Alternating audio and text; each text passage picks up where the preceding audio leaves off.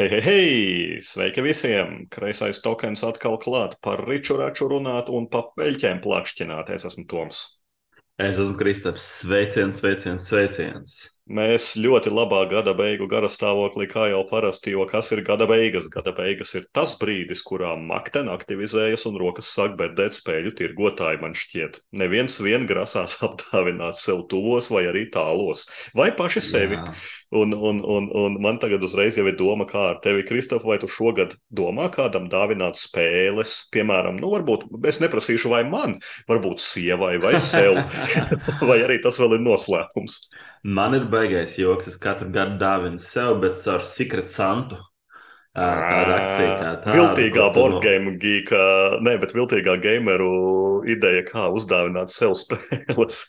jā, jā, bet, bet gameriem patīk tās lietas, zin, ka ir tās visas tās mystery box un tā tālāk, kur tu nezini, ko dabūsi.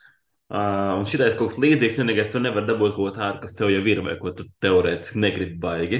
Vari, un... es domāju, ka tu vari. Ir bijuši gadījumi. Man vēl nav sanācis, man nav sanācis, man trešais gads riņķī, man ir dabūju, man ir atnācis Underwater Cities, uh, Eon Sands un Deception Hongkong, tā kā es ļoti priecīgs pagaidām un mm. forši, forši pieredzi. Nu, Vienīgais šogad man jāpiesaka ir baigā lieta, šogad es nočakarējies, ja godīgi. Uh, Jo es skatījos tajā sarakstā, un es sapratu, ka es negribu sūtīt uz Krieviju. Es domāju, es... gan, ka tu negribi. un tu iekļaujies visu pasauli vai izvēlies valsts kaut kāds konkrēts. Un tad es cītīgi klikšķināju, klikšķināju līdz izklikšķināju Krieviju, Irānu, un pie reizes vēl beigās, nu labi, Piedodiet, Āfrika. es negribu ar jums čakarēties. Kaut kādām citām valstīm, ko es nezināju, kur ir. ir no, jā, tālāk, kā, mēs, Kataru, piemēram, ne. Mēs vienmēr kā, esam sak... izcēlušies ar augstu, augstu izglītības pakāpi un augstu toleranci un visu pārējo. Bet, tāpēc es gribētu norādīt, ka Āfrika, protams, ir ļoti bīstama, jo pastnieku sapēt lauvas diezgan bieži. un tad ir sūdzība par tevi. Bet jā, patiesībā mēs te pēc BGG sekretas santām mēs, mēs jau iepriekš esam izpildījuši izdarījuši savus tokena pilsoņu pienākumus un izglītojuši mm. cilvēkus par matemātiskajām spēļu apmaiņām, jeb māstreidiem, par dažādām nometnēm, kas tur iekšā notiek. Un mēs joprojām turpinām dzīvot muļķīgā ilūzijā, ka mūsu klausītāji nav skarbākie gameri. Un viņi nezina, kas ir Secret Santa. Ja? Tā kā gaismas cesēja ceļš nav viegls, tāpēc īsumā tomēr, kas tad tas Secret Santa ir pa zvēru, droši vien, ka tie, kas tiešām nezina, ja nu pēkšņi mūs klausās, dāvana apmaiņa. Tas ir tas, kas bieži notiek darba kolektīvos, ka vienojas, ka Katram, katrs izlozē kādu, kam viņš dāvinās dāvaniņu, ir summa noteikta, līdz kurai var aiziet. Un tad tas, kuram uzdāvina dāvanu, viņš nezina, no kā tā dāvana ir bijusi. Un, un, un uh, Boardgame Geek uh, organizē tādu katru gadu un, un, un piedāvā piedalīties visas pasaules cilvēkiem, lietotājiem. Un, un tad šī dāvana apmaiņa, nu kāda viņa notiek, ir kas sūta viens otram, bet pamatā jau sūta no interneta veikaliem, es teiktu, mm. amerikāņi tīpaši, un man arī cik es esmu dabūjis, Secret Santās piedalījies, eh, ir, ne, ir sūtīts no ārpusēm, bet ir arī zināms, pilnīgi konkrēti redzēts, ka tas ir no brain gamiem. Tā kā, mm, jā, nu, es, eh, es esmu bijis, man līdzinājā pieredze, es šogad nepiedalos, pēdējos gados es izdomāju, ka pietiek un jātaupa. Es esmu bijis gan makteni izšķērdīgāks, gan skopāks dāvinātājs.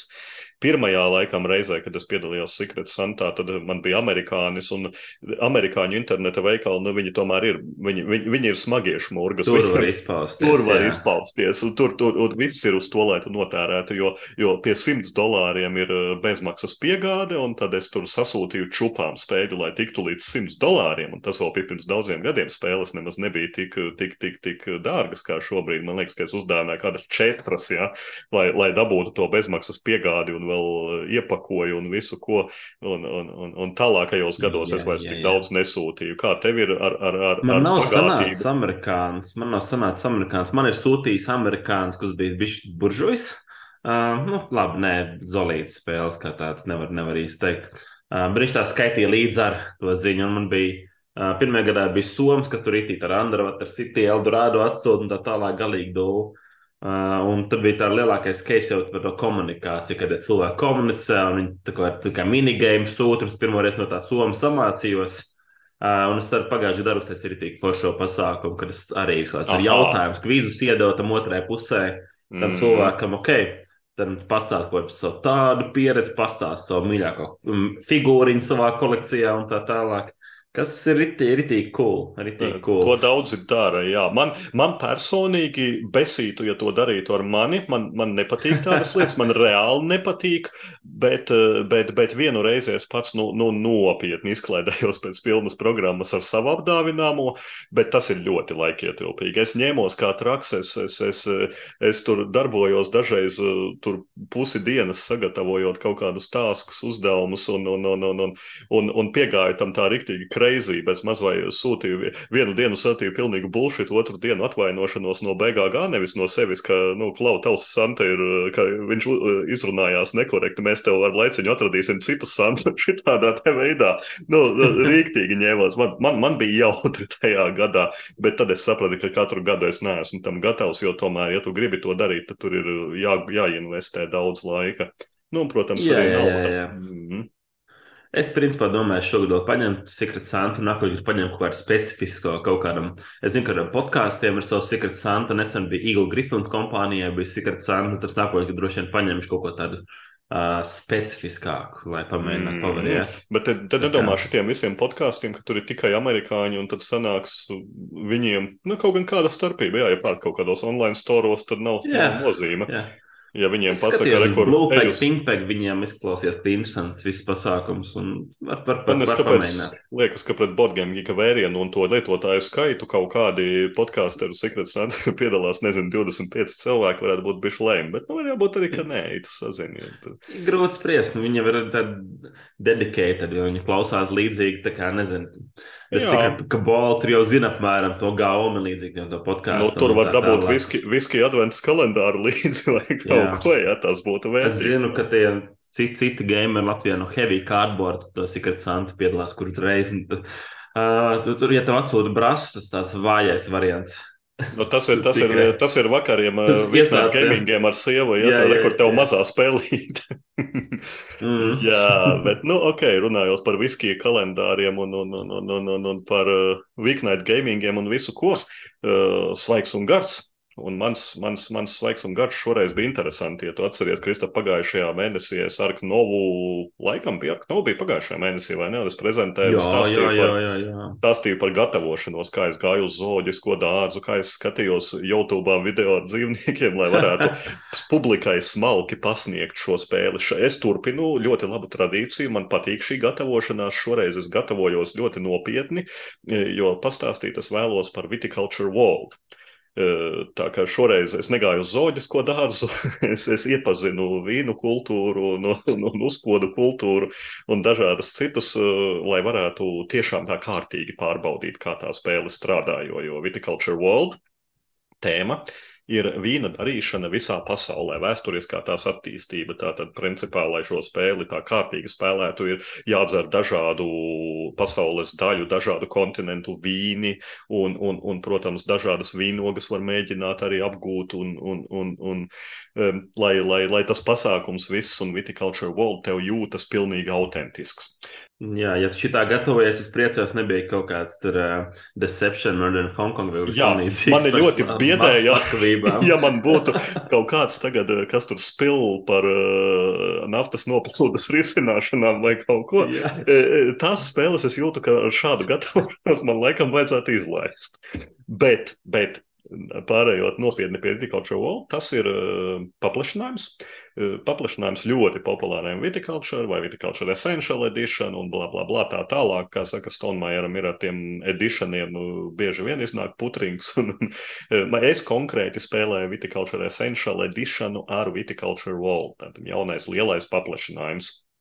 Un tematiski tā ir tā pati vīna darīšana, tev ir vīna darītava, bet eh, šeit tā vīna darīšana izspēlēts tiek cauri, tu vari izspēlēt cauri katrā no kontinentiem, kā tas ir noticis, izņemot Antarktīdu, jo tur tikai, man liekas, eh, aizved, ne, vīnu tur neved. Droši vien, ka padomi savienību, kad tur brauc vai, vai viņu paliek, eh, tur, tur ved šņabi uz savām stacijām Antarktīdā, bet visi, visur pārējās kontinentos to vīnu tomēr ir cienījuši gadsimtu laikos, un Viticulture World piedāvā arī nedaudz konspektīvus, neuzbāzīgus, bet interesantus vēstures faktus par, par, par to, kā kurā kontinentā ir um, vīnu darīšana notikusi un attīstījusies, kurā nu gadsimta atbilstoši kontinentam.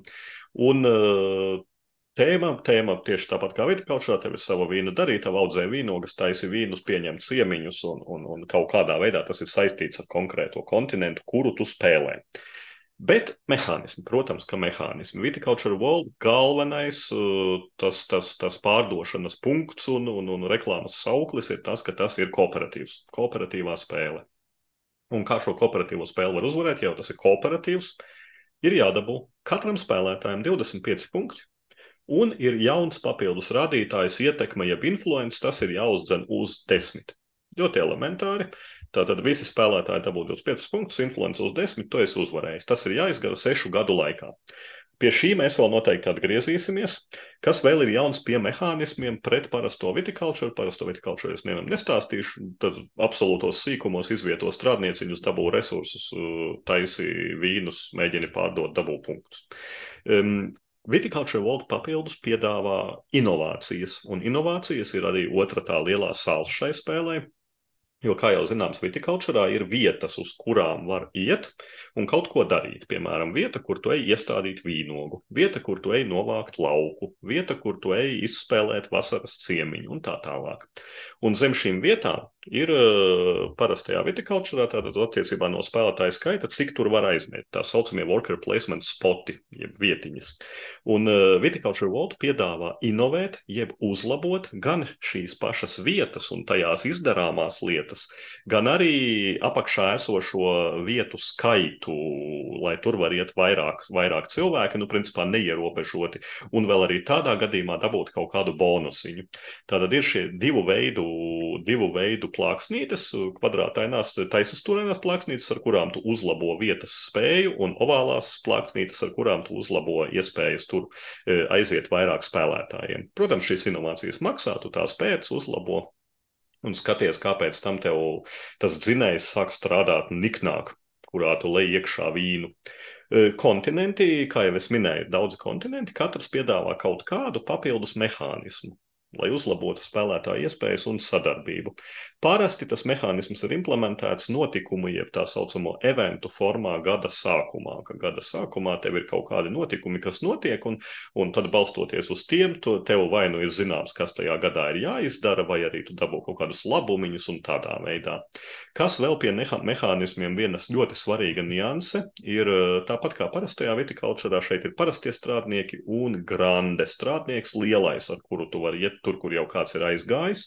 Un uh, grande strādniekiem ir paredzētas sadarbības iespējas. Ja tu aizēji pie otra, pie cita spēlētāja ar grande strādnieku, tu vari mainīties ar viņu ar vienu lietu, piemēram, ar vīnogulājiem, ar pasūtījumiem, pat ar vīnogām un pat ar vīniem, kas ir ļoti svarīgi, ka tu vari vienkārši atdot neierobežotu skaitu vīnu citam spēlētājam. Protams, viņam ir jābūt spējīgam uzņemt, viņam ir jābūt tādam pagrabam, ja tu dod lielo vīnu un tā, bet idejiski e, tā ir ļoti svarīga nianse šajā kooperatīvā mainīšanās, izmantojot grande strādniekus.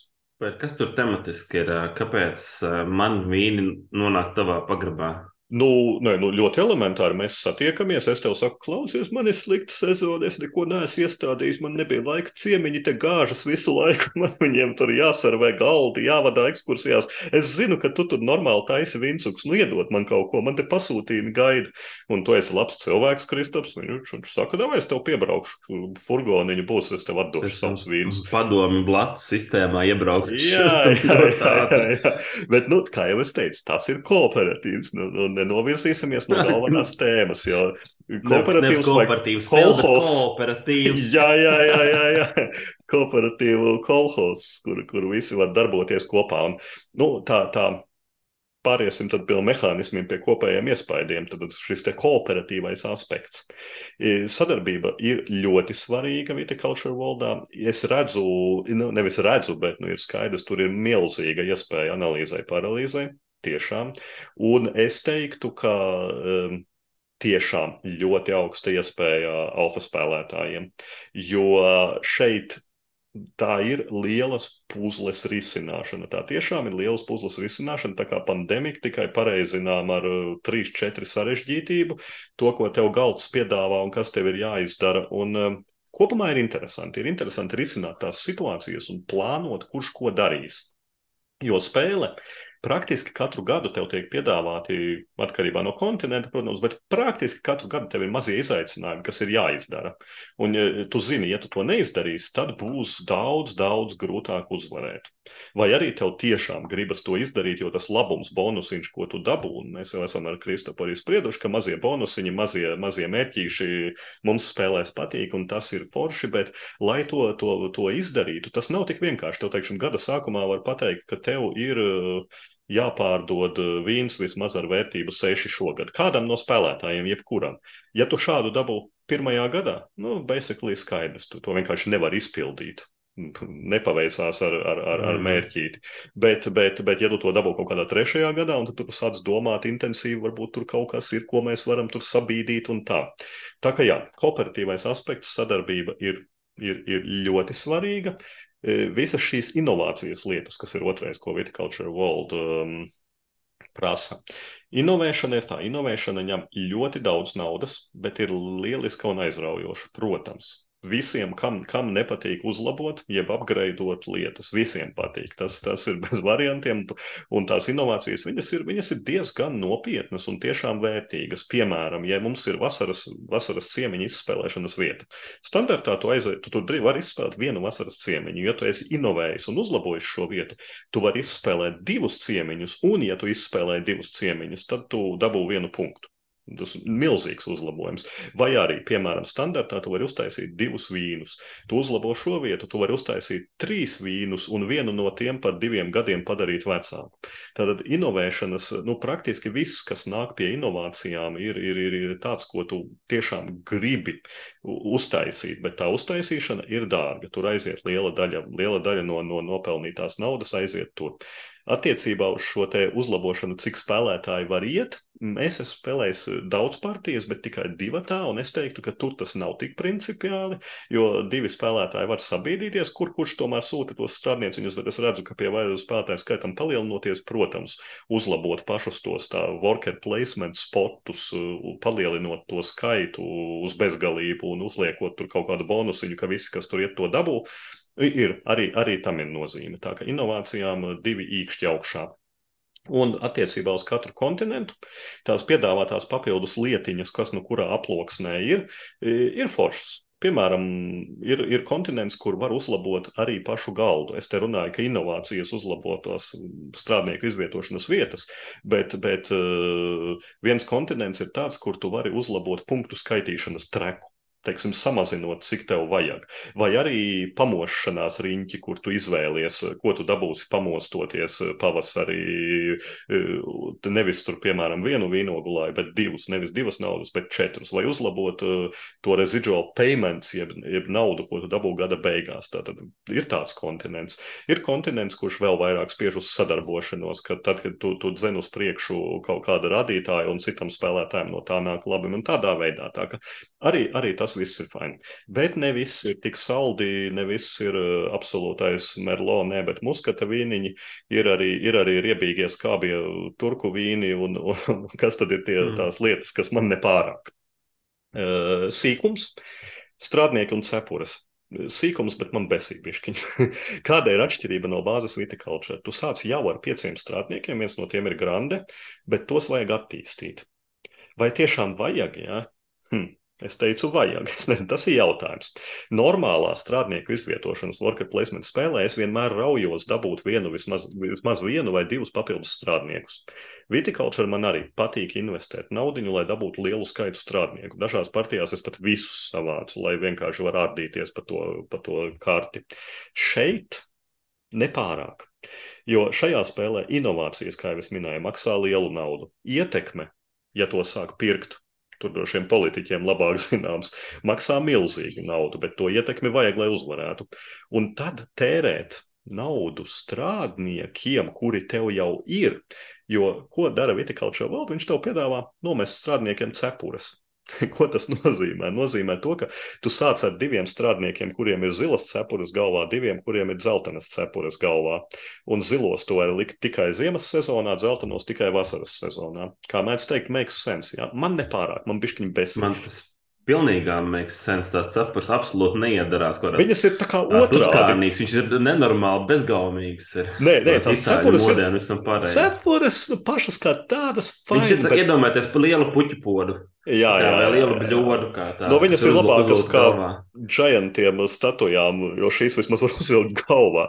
Bet, bet okay. tā ideja ir kā tāda, ka e, tā uzlabošana strādnieka ir atņemt viņam cepuri. Man tas tematiski nepatīk. Es saprotu, ka citādāk viņi nevarēja neko to ar to izdomāt, jo viņi gribēja limitēt, ka tev sākumā ir dumjais ziemas strādnieks, dumjais vasaras, tu viņu apmāci un viņš māk iet arī otrā sezonā strādāt, un, un tāpēc tu viņam atņem cepuri, kas nozīmē, ka viņš ir ziemas vai vasaras. Bet, nu, kaut kā kā man tas viss liekas tā, nu tā, tā. Gan tas izskats un tematika, gan arī, gan arī tas, ka um, tas maksā daudz naudas, un, un, un es tam vairs neredzu tādu īpašu jēgu.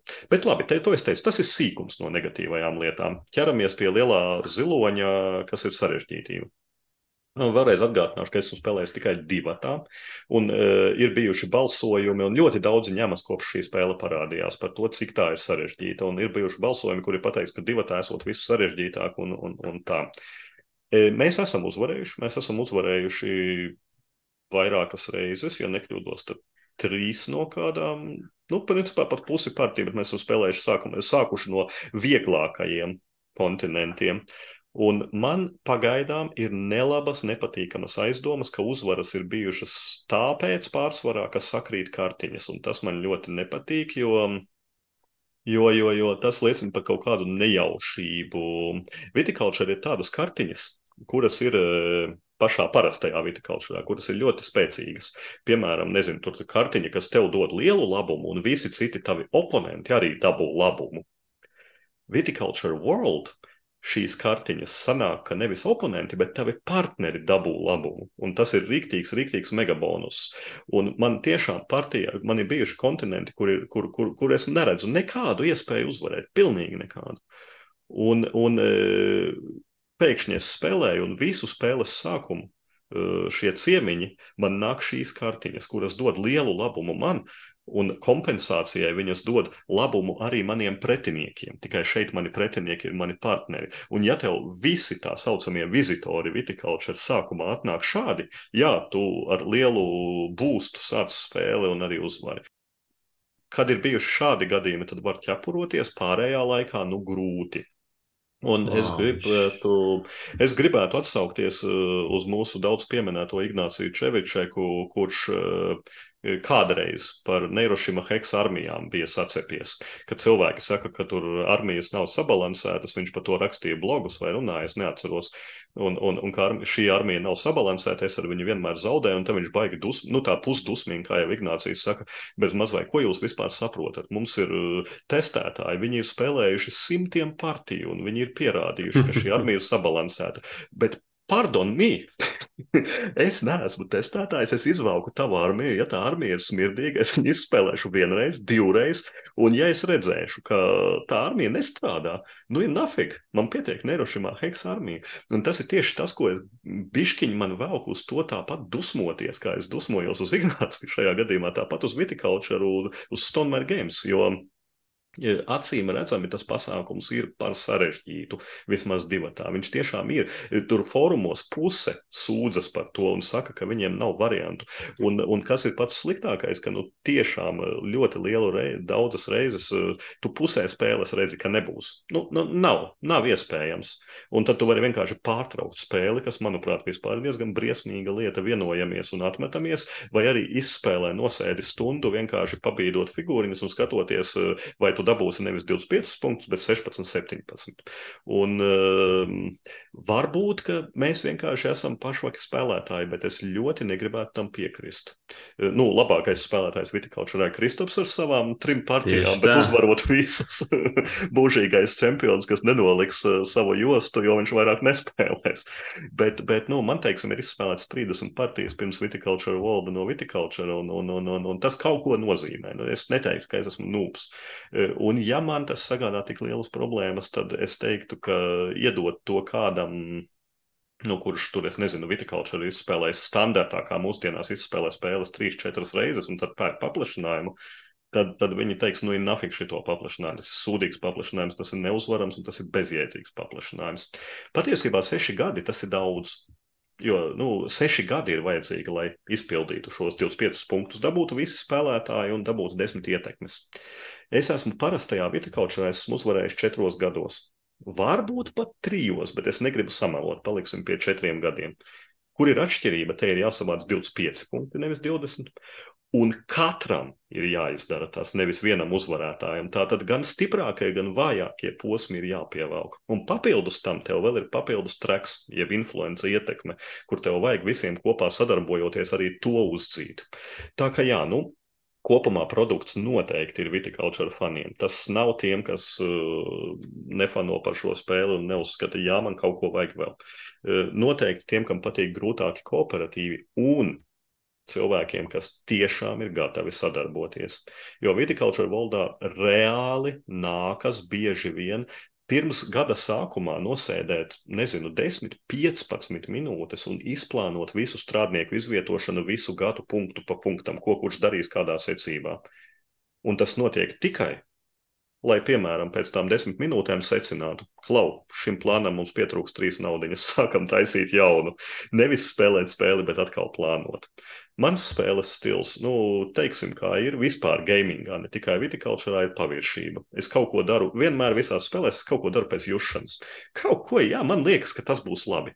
Cik es to esmu mēģinājis šeit vitikultūrā, tas nesanāk, tas nedara. Tā nenotiek. Tu, ne, tu nevari uzvarēt eh, bez plānošanas, izņemot, kā jau es minēju, ja super sakrīt kārtīs. Nu, super. Jo šeit tiešām tev ir jāizplāno, kurā brīdī grandes strādnieki satiksies, kuros lauciņos, kas ir jāizdara pirms tam, kuru lauciņu mēs būsim inovējuši, lai tur var iet vairāki e, mūsu strādnieki, kuram jau būs nomesta cepure strādniekam, lai viņš varētu strādāt abās sezonās, kurš ņems eilienu, jeb viestrādnieku. E, tas, tas viss ir super plānošana un diezgan nopietnā. Es noteikti spēlēšu tālāk. Esmu izgājis laikam trīs vai, trīs vai četrus kontinentus, lai uh, cik nu izgājis, bet jau spēlējis. Pēc gada domāju, ka apstāstīšu, kā man būs veicies un vai visi kontinenti nocīnīti. Tas bija par Viticulture mm. World. Man ir viena mega kritika par uh, askētismu. Uh, man vienmēr ir viticulture asociēts tāda spēle, ko tu spēlē, ko tu skaisti iemalko vīnu un Uh, nu, viņi arī ir forši sazīmēti un izdarīti un tā tālāk. Un šeit man ir milzīga kritika, kas man bija pilnīgs pārsteigums. Es skatījos bildītas un skatos, tur uh, neglītais Charterstone purns nāk iekšā ar to dizainu, kas, nu, ir, manuprāt, kā trīs klases zemāks. Charterstone uh, purns ir viens, tas, man liekas, viens no kontinentiem. Robots vēl stāv. Uh, nē, nē, nē, nē, man... nē, tas ir viens no kontinentiem, bet, bet Bet pie vizuāla par robotu es pat nezinu, kurās bildēs tādu es atradis. Ah, jā, tas ir Buratino, jā, jā, tas ir solo. Šoreiz es izvēlējos. Zin, ziniet, kā ir ar to vīna patēriņu un visu, ka tu to dari kompānijā, tad tu esi vīna eksperts. Ja tu to dari viens, tad tu vairs neesi nekāds baigais eksperts. Tāpēc es šoreiz pie gatavošanās es solo nedarīju. Un Buratino es izvēlējos. Tas man likās tā, ah, nu, kam on, jums nesiet tādu nabaga mega kompāniju, nu, paņemiet normālu dizainu. Uh, bet, ja tu saki, tas vienā kontinentā tas nav tik traģiski. Nē, nē, nē, ja tu domā to tur, uh, nē, Charterstone purns ir viens kontinents, bet, okay. bet, bet, bet, bet robots gan ir viens. Vienā kontinentā tur ir Čārterstona kontinents. Viens ir Čārterstona kontinents, tāpēc, ka viņi gribēja septiņus kontinentus, un Antarktīdā, kā jau es minēju, tur dzer tikai šņabi un arī visdrīzāk tikai vienas valsts bāzēs. Tā kā okay. Antarktīdā vīnu pagaidām vēl nav sākuši audzēt, cerams, ka arī nesāks, un tā viņiem vajadzēja pielikt Grīngalliju, kas ir Charterstone kontinents. Jā, tas ir iesācēji. Tur visās malās, viņi tur, un tu pašā sākumā iesācēji, jāsāk neglīto, ah, tas ir traģiski. Man interesē, ko tev sieva par to domā, jo viņa ir vēl lielāks kooperatīvo haters nekā tu pats. Ar mani spēlējot, viņa ir milzīgs fans Okay. Bet jāatzīst, ka bieži vien ir redzams, ka viņu nobesīja un mani arī tā pārāk lielā plānošana.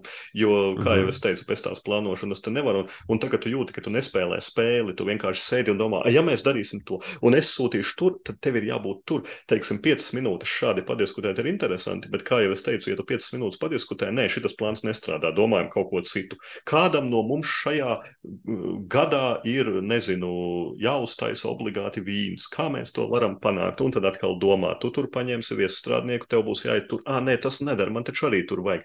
Un šitā visu laiku ir tā ņemšanās, ņemšanās bez spēlēšanas gada sākumos.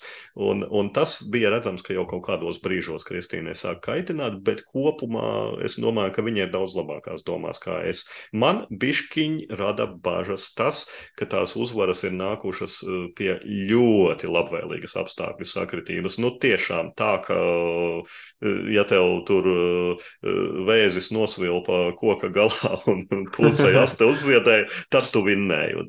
Cik jums, jā, cik jums vēl ir partija? Parasti jūs redzējāt, es redzēju, pirmā spēlēju, redzēju šo spēli klātā, klātienē, es redzēju, ka cilvēki spēlēja. Piecetā viņi izspēlēja pēc četrām stundām pabeigts. Tas man liekas, wow. Piecetā es domāju, ka pilnīgi reāli, ja šo plānošanu veids un, un daudziem ir viedoklis, nevis viens alfa spēlē, tad varētu būt tās stundu daudzums, varētu tāds būt. Jo divatā es teiktu, ka tas ir tādas stabilas divas stundas, kas var ievilkties atkarībā no nu, cik nopietni. Tas ir daudz priekš divu spēlētāju kopu. Ir, ir, ir. Daudz. Ja to plānošanu mm. nedara un spēlē viņu kā parastu vitikultūru, tad tu jau esi pakās. Tad tu jau esi pakās, bet tad es teiktu, ka tu vari varbūt pat pa stundu izskriet cauri. Jā, tā kā parastu vitikultūru. Jā. jā, vai pats pēc 30 minūtēm saprast, ka tur vairs nav variantu. Jā, nu tas, tu, okay, tas okay, notiek. Okay. Es no to sapratu, principā, tādu mazo verdiktu. Tādu, ka, ja jūs, nes, ja esat nenormāli vitikultūra fani, nu, pamēģiniet. Ja neesiet, vitko, ja neesiet daudz vitikultūra spēlējiet, izspēlējuši 20 reizes uh, bāzes spēli. Tad, nu, bāzes ar skatīties. paplašinājumiem vai vēl kaut ko, jā, jā, jā ka jā, šis jā, noteikti jā. nav pirmais, pie kā ķerties, ja tu, tev, tev kāds iesaka, nu, spēle par vīna taisīšanu, bet pēc uzreiz mm. viticulture wall. Nē, nē, tā nav. Būs jā, grūti, jā. būs grūti. Interesants arī tas modelis, ka viņš nav standalones. Jā, uh, tas jā. visticamāk atrisinātu tās problēmas ar tām kārtīm, ka nu, tev visiem dod bonusiņu, kas man likās nu, vienkārši. Es domāju, ka to viņiem nodomi ir atstājuši, lai, lai, lai, jo, jo tas pasākums ir grūts. Varbūt tāpēc ej sazini, mm -hmm. Jā, nu, tas Poš. bija Viticulture World. Ok, nu, kamēr es visiem padalījos par kaut ko tiešām svaigu un tiešām gardu, mums vajadzīga kaut kāda kompensācija negatīvā. Tāpēc Kristaps man ir tāda aizdoma, ka viņš stāstīs par kaut ko netīru un par kaut ko vecu no 60. gadiem, vai ne? Tieši tā. Pirmkārt, Ziniet, kā 60. gados mēs tomēr aizsūtījām pirmoreiz cilvēku kosmosā un tā Aha. tālāk. Un tas bija viens svarīgs lieta, un kosmosā ir svarīgi atklāt kādu dzīvību, un mēs atklājām, ka kreiso tokenu tiešām kāds klausās. Jo pēc pagājušās politiskās epizodes viens mans čoms teica, ka klausies, tu neesi izspēlējis 1960 The Making of the President. Mm -hmm. Man viņš visu laiku plauktā ir Un es saku, jā, bet, nu, sorry, mēs pēdējās vispār reizes Undaunted spēlējam. um, kas arī īstenībā noteikti kādreiz būs tokenā pārunājumā spēle, bet, um, jā, es izspēlēju 2007. gada. Nevis 60. gada. Viņai tikai nē, nē. nosaukumā ir 1960. oriģinālie, oriģinālie playeri to spēlē īstajā dzīvē, bet es spēlēju uh, 2007. gada versiju. Nu, jā, kas tad ir Making of the President? Tā ir spēle par Amerikas Savienoto Valstu vēlēšanām. Vienā no slavenākajām līdz šim brīdim pēdējām par um, Baidenu un Trumpu un tā tālāk, kur, kur piedalījās Kenedijs un Niksons. Zinām, prezidenti. Uh, Man liekas, par Niksonu mēs esam runājuši jau kādā citā epizodē. Watergate, jā. jā. Tas ir par Watergate, bet šis ir pirms Watergate laikiem, un šajās vēlēšanās es varu pateikt spoiler, kad uh, Niksons neuzvar. Fuk, uh, tad mēs to klausīsim? Nevar uzvarēt. Viens spēlētājs nevar būt Niksons un uzvarēt. Ja? Var, var, var. var. À, nu, re, tad jau nav tā, ka neuzvar. Um, kā tāds, jā. Bet ir iespēja mainīt šo vēsturi un padarīt alternatīvo, ka Niksons tomēr uzvar. Un, šī sarunas beigās arī pateikšu, kā beidzās mūsu partija, ka mēs spēlējām. Es biju Niks, Team Niksons, jeb spēlēju ar ziloņiem, kur man kolēģis spēlēja ar ērzeļiem un Kenediju. Tā kā nu, tur jau neizskatās līdzīgi manam. Mm. Nu, lūk, un tā ir spēle par astoņu nedēļu kampaņām pirms vēlēšanām, kur katru nedēļu kampaņo vienu dienu, piecas dienas, tad ir brīvdienas, atkal kampaņa un tā tālāk, un tu braukā pa visu valstu un darbojies, un tu vai nu mēģina to valsti iekrāsot demokrātu vai republikāņu krāsās. Jo štatos ir ļoti interesanta vēlēšanu sistēma, kad štatā, tas, kurš ir štatā, tas dabū visas balsis. Tas nekas, kas pa sešiem cilvēkiem vairāk, tu dabū visas balsis. Nu, tas ir tas, ko min every, every vote matters. Nevis tur figūri. Every vote matters. Tas, tas, mm -hmm. tas tieši tā arī ir. Un vairāk vai mazāk tie pamatmehānismi ir tādi, ka tā ir tāda salīdzinoši viegla reģiona kontrole.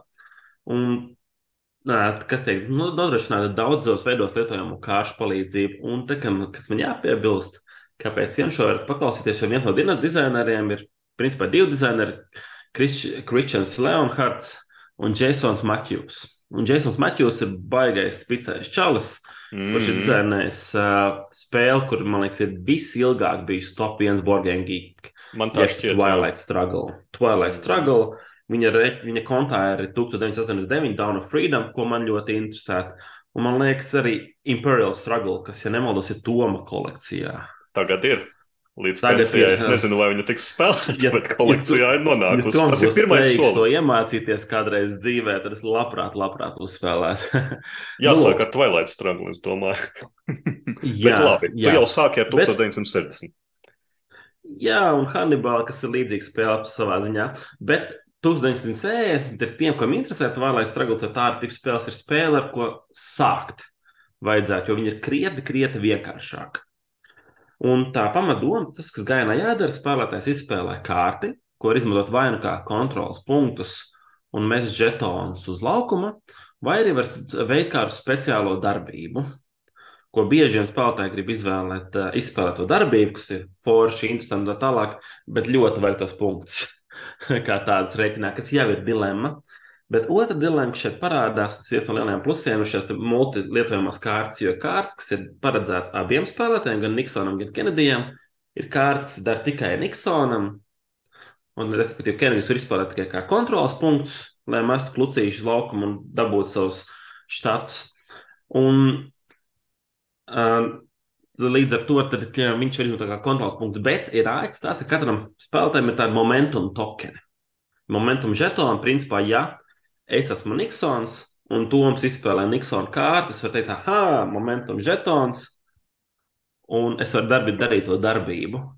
Kas ir rītīgi forši, tev tajā raundā ir sešas kārtas, un domā, bācis, man ir trīs Niksona kārtas.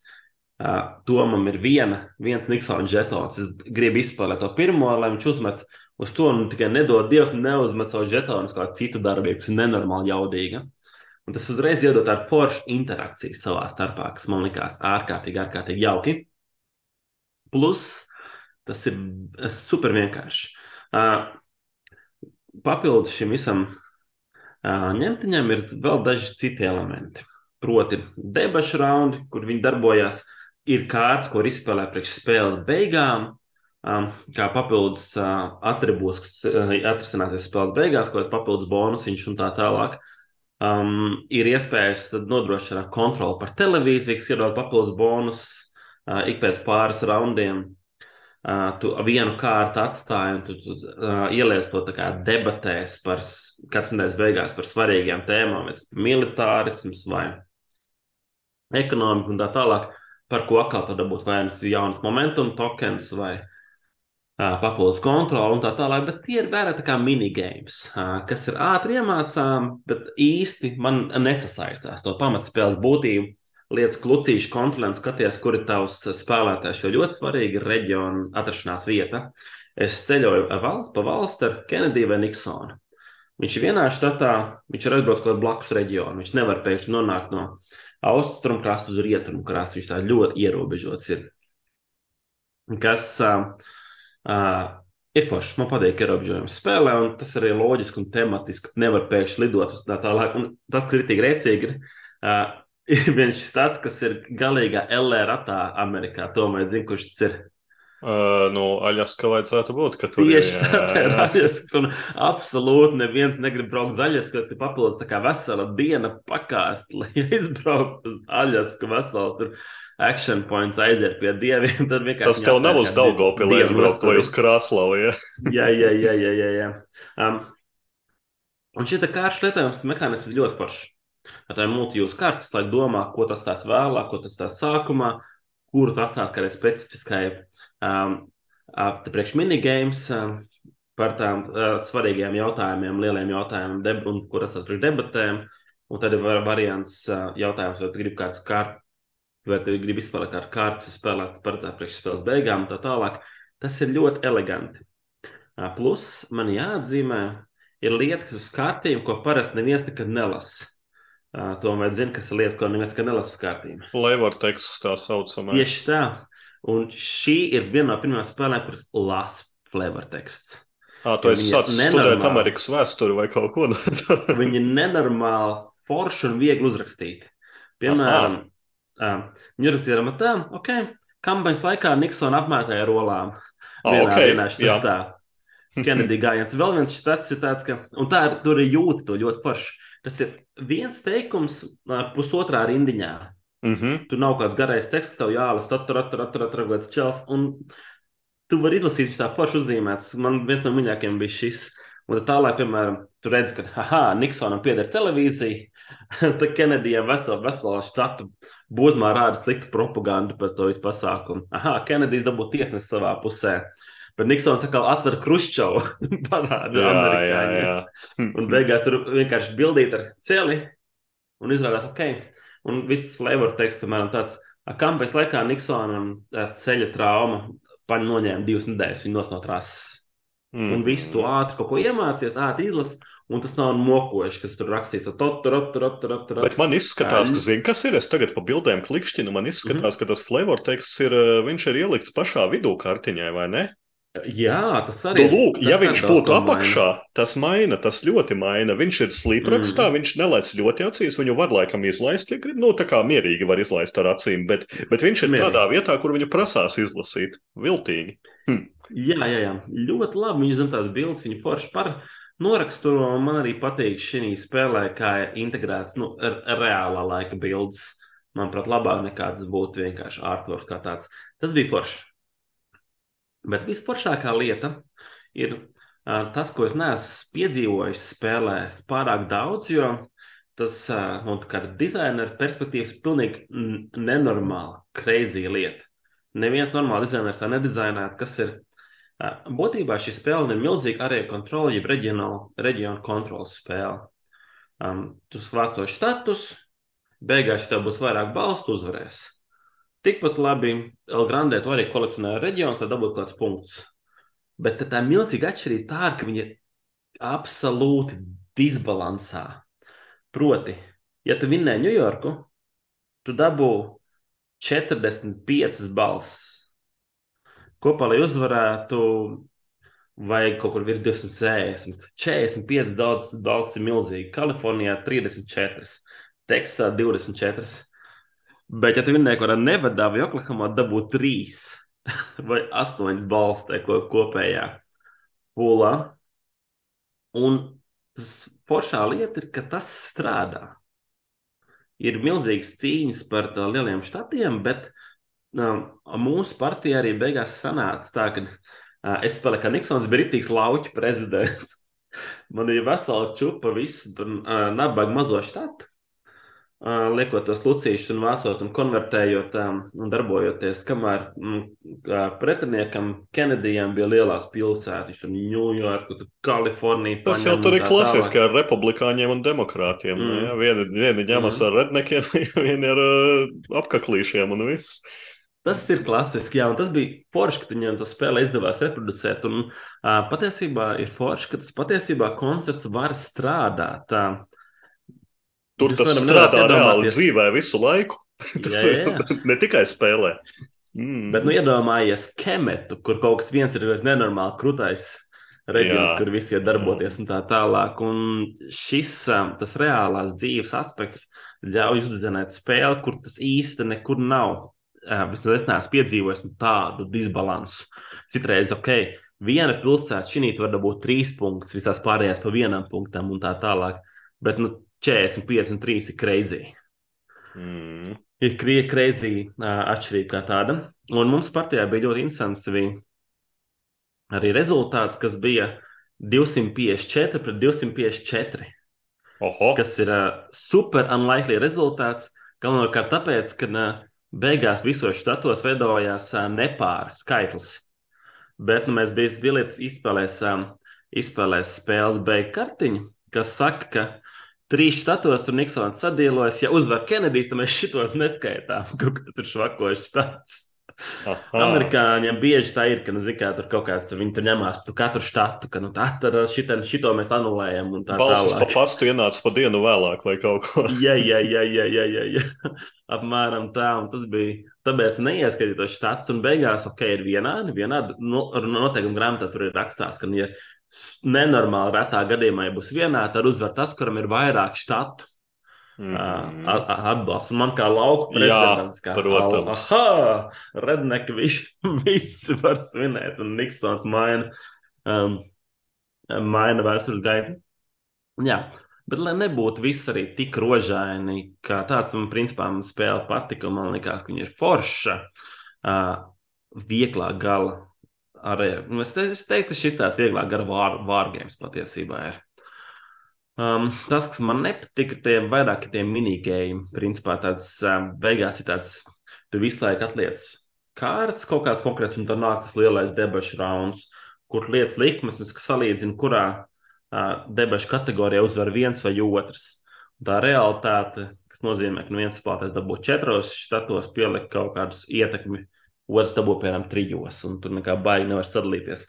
Un ir tādi elementi par minigēmiem, kas liekas, ka, nu, ok, Mēs paspēlējām to īsto spēli. Tagad veltīsim 5 minūtes minigēmu, lai tu dabūtu vienu žetonu vairāk nekā es. Un tā tālāk tas nebija tik forši, bet um, kopumā man likās, labi, man bija ļoti labs iespējas. Es teiktu, ka šis ir uh, noteikti vienkāršāks par Twilight Struggle, cik es esmu mēģinājis. Uh, es esmu mēģinājis tikai digitāli spēlēt. Man likās diezgan sarežģīti, bet man vajadzētu kādu, kurš izolīti iemācīja. Um, jo tas, kas šeit ir lielais pluss priekš šādu tipu spēlēm, jo pat patiesībā visiem šiem variantiem, vienalga Twilight Struggles vai Hannibals, noteikumi nav sarežģīti. Sarežģītās ir tie mūžīgie izņēmuma gadījumi. Mm. Tā kā tu visu vari iemest, izņemot, ja tā ir Turcija, jo Turcijā ir šādi gadījumi, tur ir raķešu krīze vai ne. Um, un tā ir lielā problēma. Šeit tie izņēmumi gadījumi nelikās uh, sāpīgi vai traucējoši. Uh, principā, var izlasīt, es nejūtu arī, ka ir kaut kāds štats, kur, tu, um, kur pieredzējušāks spēlētājs zina, ka ok, šito es nevaru ieguldīt. Šajā štatā jau būs kartiņa, kas nonesīs visus tur pāris reģionus blakus. Tas bija forši. Tā kā, jā, noteikti iesaku spēli ir izspēlējama divi tā ātrāk nekā Viticulture World, ap 90 minūtēm. Tā kā ļoti, ļoti labs arēja kontrola politiskais gabals par foršu, foršu tēmu, kas arī izpildās realistiski. Tā kā mm, līdzīgi, rada līdzīgu seju kā Amerikas vēlēšanās. Runājot par realismu, es tagad klikšķināju caur bildēm. Es atradu, ka tur ir Līja Hārvija Osvalda kartiņa. Tāda tur ir, vai tā ir fanu veidota? O, es neatceros. Ja izspēlē Līja Hārvija Osvalda kartiņu, Kennedy player loses the game. Obviously, viņš loses the game. Ja ir Līja Hārvijas Osvalds, uzrodas ne, ne savā laikā. Jā, jā. Bet, bet es domāju, vai tā ir, vai tā ir reāla kartiņa no spēles. Tas man liekas, ka kādu aizskārtu man rīktīgi. Vispār amerikāņi par šitām tēmām ir nenormāli jūtīgi. Viņi, viņi baidās pat spēlēt šādas spēles, jo pie viņiem nu, tā vēlēšanu lieta un vēlēšanu viss vis pasākums. Tādā ziņā mēs varam to spēlēt nu, neitrāli. Mums ir nu pilnīgi vienalga Niksons, Kenedijs, kāda starpība. Ja galvenais interesanta spēle un tā. Tā, man bija ļoti labs pirmais spēles. Tā, es, man, kā parasti, labi, labi mācot galdu spēles, tu iedod spēlētājiem, viņš neko nav darījis iepriekš, kaut kādu darbu. Mm -hmm. un man spēles partneris teica, nu, ok, sa, salietu, savietošu štatiem žetoniņu štatu. Mm -hmm. Un es tur meklēju, un es tos visus drāņu štatus nezinu, kur viņi atrodas. Protams. Un visstrakāk ir ar Vašingtonu. Un es skatos visu. Vašingtona ir pie sienas. Rietum, rietum piekrasti. Rietum piekrasti. Nenormāli pētnu bļāviens, kur tā Vašingtona ir. Un izrādās, viņam vesels štats ir augšējā. Sorry, aušējā rietumu piekrastē. Jā, jā, tu, tu domāji austrumu piekrasti. Jā, jā, bet jā, jā, rietumu piekrasti. Jā, jā, pilsēta ir austrumu piekrastē. Jā, jā, pilsēta ir austrumu, bet tas ir Washington DC un Washingtonas štats ir, man liekas, tur pie sienas exactly. augšā. Jā, jā. Nu, jā, tas, jā, jā, tas bija. Tās ir klasiskas kļūdas. Amerikāni, es nezinu, ar ko atšķiras Francija no Vācijas. tas ir piedodami pilnīgi. Bet, bet, bet... Pieredze laba, spēle dabūt praktiski neiespējami. bet, Vai tad? Var, Bornīkā var viņu mēģināt saksīt. Es kaut kad kādreiz vienu brīdi viņa bija lēta, man liekas, kaut kur lietotās kopijas. Viņa bija daudz. Šobrīd redzu, ka Geekmarkets met pa 48 līdz 60 dolāri. Jā, tas kas ir, ir padārgi priekš tādu lietotāju, kur nezinu, kas tur iekšā īsti būs. Bet tas un... joprojām ir desmit reizes labāk. Piedod man, Kris, tāpēc esmu vienkārši, tu man esi nokaitinājis ar šo politisko 48 dolāri par vecu 60. gada, jā, labi, nav 60. gada spēli, joprojām ir desmit reizes, ne, tas ir simt reizes labāk, kā samaksāt to pašu naudu par 20. gadsimta sākuma spēli. Vai tu zini, par ko es runāju? Oh, es nezinu, vai tu runā par uh, jauno dārgo lakrimosas versiju. Nē, es runāju par Nē. absolūto galda spēļu īvilu. tas ir monopols. Oh, Mums ir kreisais kas... panopietno. Man, man, ir, man, ir, man ir sakrājies, man ir reāli sakrājies. Mēs jau sākumā spriedām, ka iestājies dāvināšanas laiks, un neviens vien atkal dabūs kaut kādu sūdu, ja, piemēram, monopolu. Jo radi vai draugi būs dzirdējuši, ka spēlē galda spēles. Un, un, un, un, un es saprotu, ka, lai misiju izvairīties no monopola padarītu grūtāku, ir tagad ir ir pieejama arī monopola uh, garā versija. To tu kaut ko vairāk, Kristaps, zināji, ka ir uzradusies, vai ne? Jā, jā, jā. Tā tad monopolam tā ir nenormāla, nenormāla mocība versija. Bet jūs varat dabūt par 21, 91 dolāru. Amazonē. Divreiz lētāk par uh, Making of President. Jā, yeah, Monopoly longest game ever. Jā. Kas ir tās lielākās atšķirības? Lielākās atšķirības tās met nevis vi, divus, bet vienu kaulu. Lai rāpotu lēnāk. Vai divreiz lēnāk rāpos. bet tas ir sīkums. Tas spēles laukums Monopolam ir klasiskais skriet par īņķi, vai ne? Un mm -hmm. viņš ir mhm. uztaisījis šī versijā laukumu, kas iet Divreiz printi arī vidū tādu iekšējo riņķi. Jēziņ, jēziņ, tas ir abs, izskatās absolūti traģiski. Tas pasākums. ir morgs. Tas ir morgs. Zini, kā ir uh, kreisais pa novienu, jā, šis bija labs grūdienis, bet, starp citu, šis jau 19. gadā, es nezinu, kāpēc viņi šogad vairāki pacēla un saka, ka tas ir šogad, grūti pateikt, tas garākais monopols, bet, nu labi, tas ir pilnīgs sīkums. arī tas, ka Hasbro turpina ražot jaunus monopolus, lai viņiem tā naudiņa nāk, bet, bet, bet šīs dienas kreisais par nopietno tēmu, un tā mana galvenā tēze, lielā un smagā, ir monopols kaitē hobijam. Tā nopietni kaitē mūsu hobijam. Ja? Un, un, un kāpēc mm -hmm. es gribu mhm. pastāstīt? Man, man tāda ir, nu, vispirms man ir divi piemēri. Pirmais ir viena digitālā civilizācijas spēle, ko es spēlēju liela, viena no lielākajām pasaulē, multiplayer uh, online games. Un uh, viņiem jau bija laikam 10 gadi vai, vai 15 gadu jubileja nesen. Un viņi uztaisīja tā eventu, tā saucamo notikumu, papildus minispēli. Un, uh, un tad viņi es pilnīgi iztēlojos, ka pie viņiem birojā, gal, digitālās spēles veidošanas birojā sēž cilvēki, kam par to maksā naudu. Un viņi domā, nu, ko tādu foršu mēs varētu uztaisīt savā jubilejas lielajā notikumā. Un kāds izdomā, uztaisām un digitalizējam galda spēli. Un tad visi saka, jā, mm. tu dabū medaļu par to, ka rekur tev izcila doma un simts punkti. Visi no viņiem uzreiz iedomājās un automātiski pieņēma, ka tā galda spēle, ko viņi uztaisīs uz savas spēles bāzes, būs monopola klons. Nu, protams, tā arī bija. Un tas bija absolūtākais sūds. Tas ir viens mans piemērs. Tā tad eh, liela pasaules mēroga civilizācijas spēle, kas uztaisa notikumu eventiņu un uztaisa monopolu.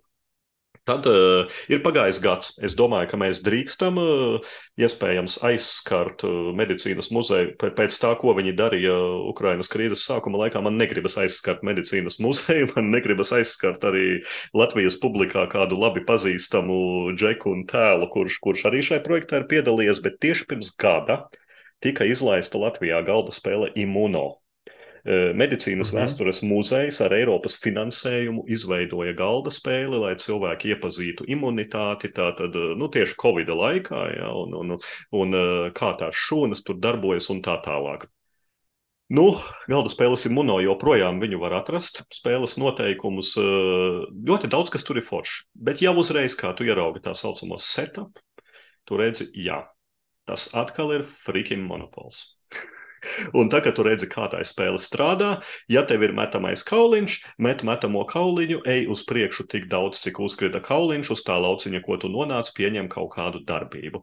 Un, e, kā saka, lai, lai, lai uz mani galīgi neapvainojas tie, kas mūs klausās un piedalījušies šīs spēles veidošanā, ja, tur ir gameriskas lietas. Šis nav tīrākais monopols. Ir redzams, ka tur ir liktas klāt interesantas lietas, bet spēles bāze tāpat ir fucking monopols.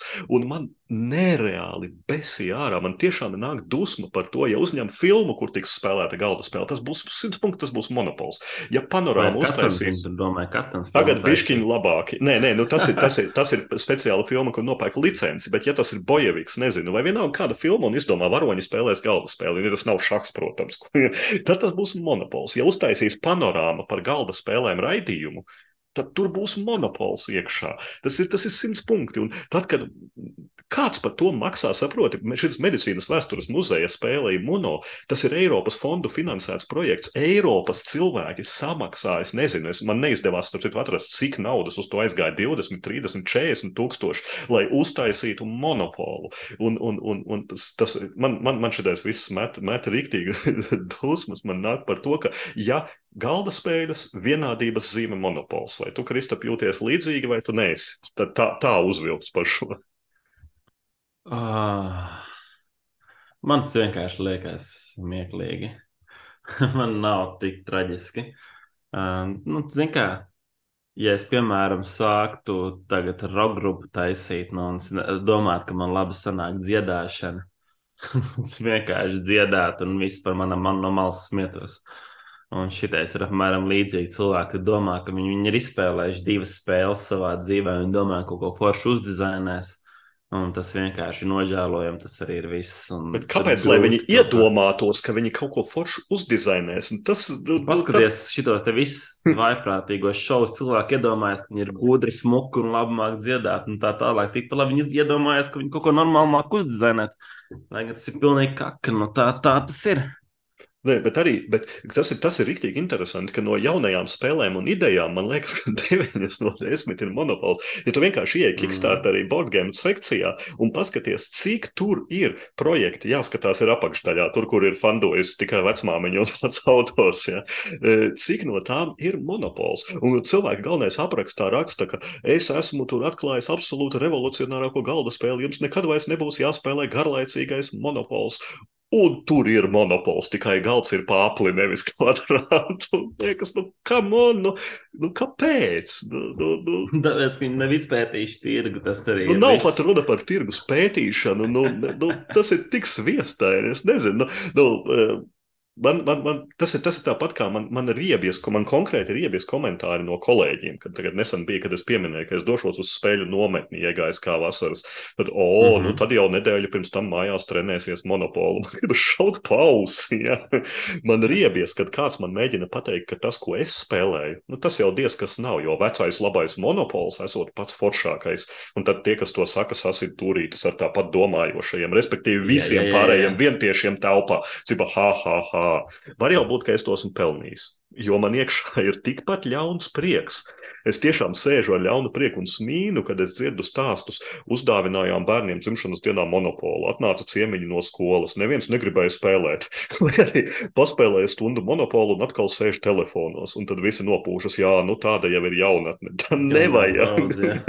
Tā nevajag. Cik reizes jūs paši esat spēlējuši savu sūdu monopolu? Nu, godīgi. Ja tā spēlē ir tik kūla, kā jūs runājat, cik jūs viņu izvalkat no plaukta? Es, es, es varu sadarēt, ka ka no monopola nopircējiem 80% nav izspēlējuši nevienu partiju līdz galam. Nevienu. Bet, nu, pas, paskaties, cik tas, ka viņi mīl monopolu, ir ietaupījis viņiem naudu.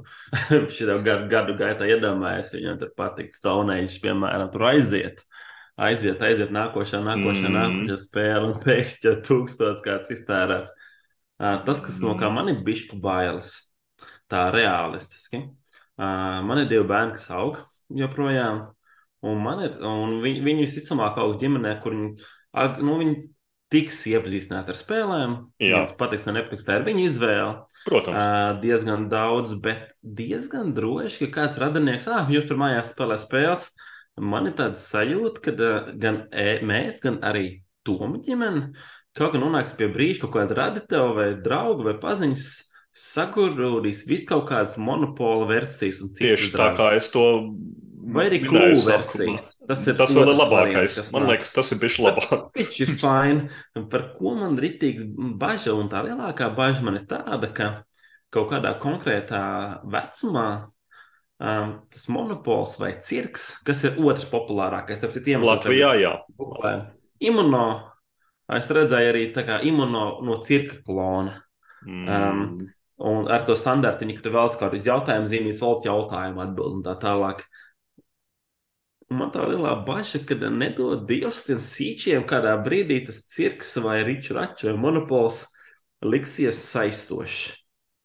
Jo patiesībā tur ir diezgan daudz eh, darbības, ko kādā noteiktā vecumā viņi tur pasēž, pakalkulē, padarbojas, paņemās. Es atceros, ka man bija, nezinu, septiņi gadi, man liekas, monopols tīri fini. Neko labāk nebija redzējis, un man ir milzīgs bažas, ka, nu, wow, ja nu man dēlam vai meitai arī patīk, ko es darīšu. Tas, tas verdikts droši vien tāds, ka um, es domāju, piemēram, principā, ja man dēls, man bērni pēkšņi sāks ļoti mīlēt šlāgerus drausmīgus, vai duet Sandru, vai viņas mīlēšu mazāk, droši vien jā. bet kaut nu, nu, jā, bišķiņi, bet tikai bišķiņi mazāk, ne? tu neatteiksies un nevedīsi uz internātu. Un tad būs jādomā, kā no viņiem atbrīvoties. Jo no tas, monopoliem vai no bērniem? no monopoliem. Okay, okay, tad Varbūt labi. no bērniem. Jo tas, kas man ir bijis, man ir uzdāvināts. Man ir uzdāvināts kaut kādas drāmīgas spēles. Latviešiem bija kaut kāds patriotiskā spēle, tur bija jāvelk ārā kartiņas un jāpumpējas, un jācenšas, kas, kurš, kurš vairāk reizes var planka, kurš ilgāk var nostāvēt plankā un spēlē pret savu māti, piemēram, to spēli un sacentieties. Uh, to es atdevu pilnībā bērniem saplēšanai. Tas nekas cilvēks bija labi gribēšana, uzdāvināšana. Man bažas, kas notiks tad, kad nu, to bērnu spēli dāvināt, uh, dot tālāk, sap, uh, iznīcināt un tā tālāk. Un, uh, kas būs tagad atbrauks, rāda, nu, uzspēlē monopolu. Mēs taču tev uzdāvinājām, vai ne? Mm. Mēs tev uzdāvinājām. Tas ir bišku uh, baža kā tāda.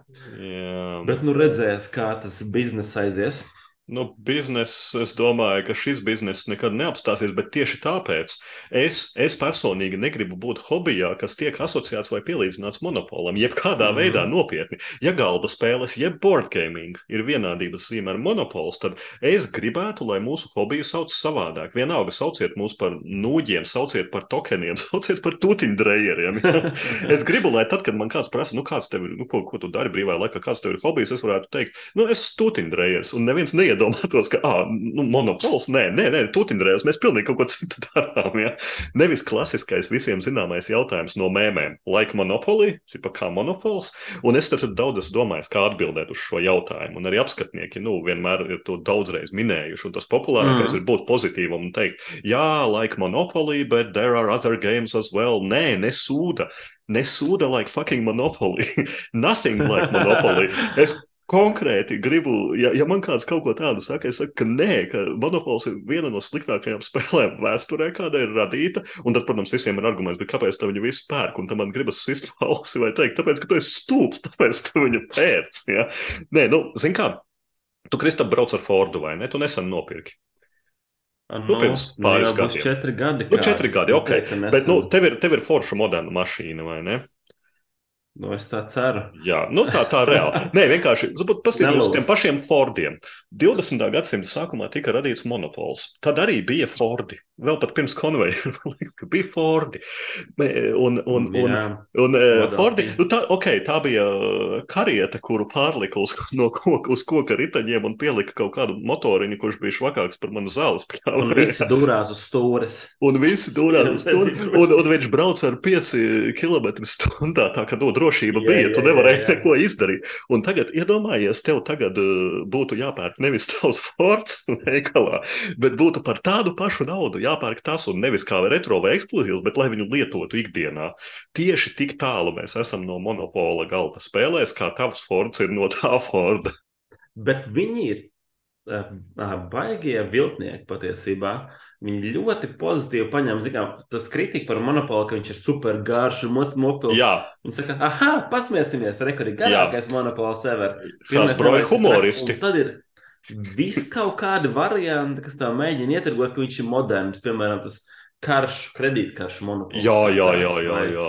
vai Monopoly card game un tā tālāk. Tā kā, nā, viņš super viltīgi pārdod atkal un atkal un atkal un atkal to Un pašu. cilvēki sapērk viņus vēl. Un tad viņi iztirgo, lai tur ienāk tava pilsēta vai ne ar visām balsošanām, kas ir panorāmas Jā, jā. mēroga kampaņa. Tā bija, kad Letiņi balsoja.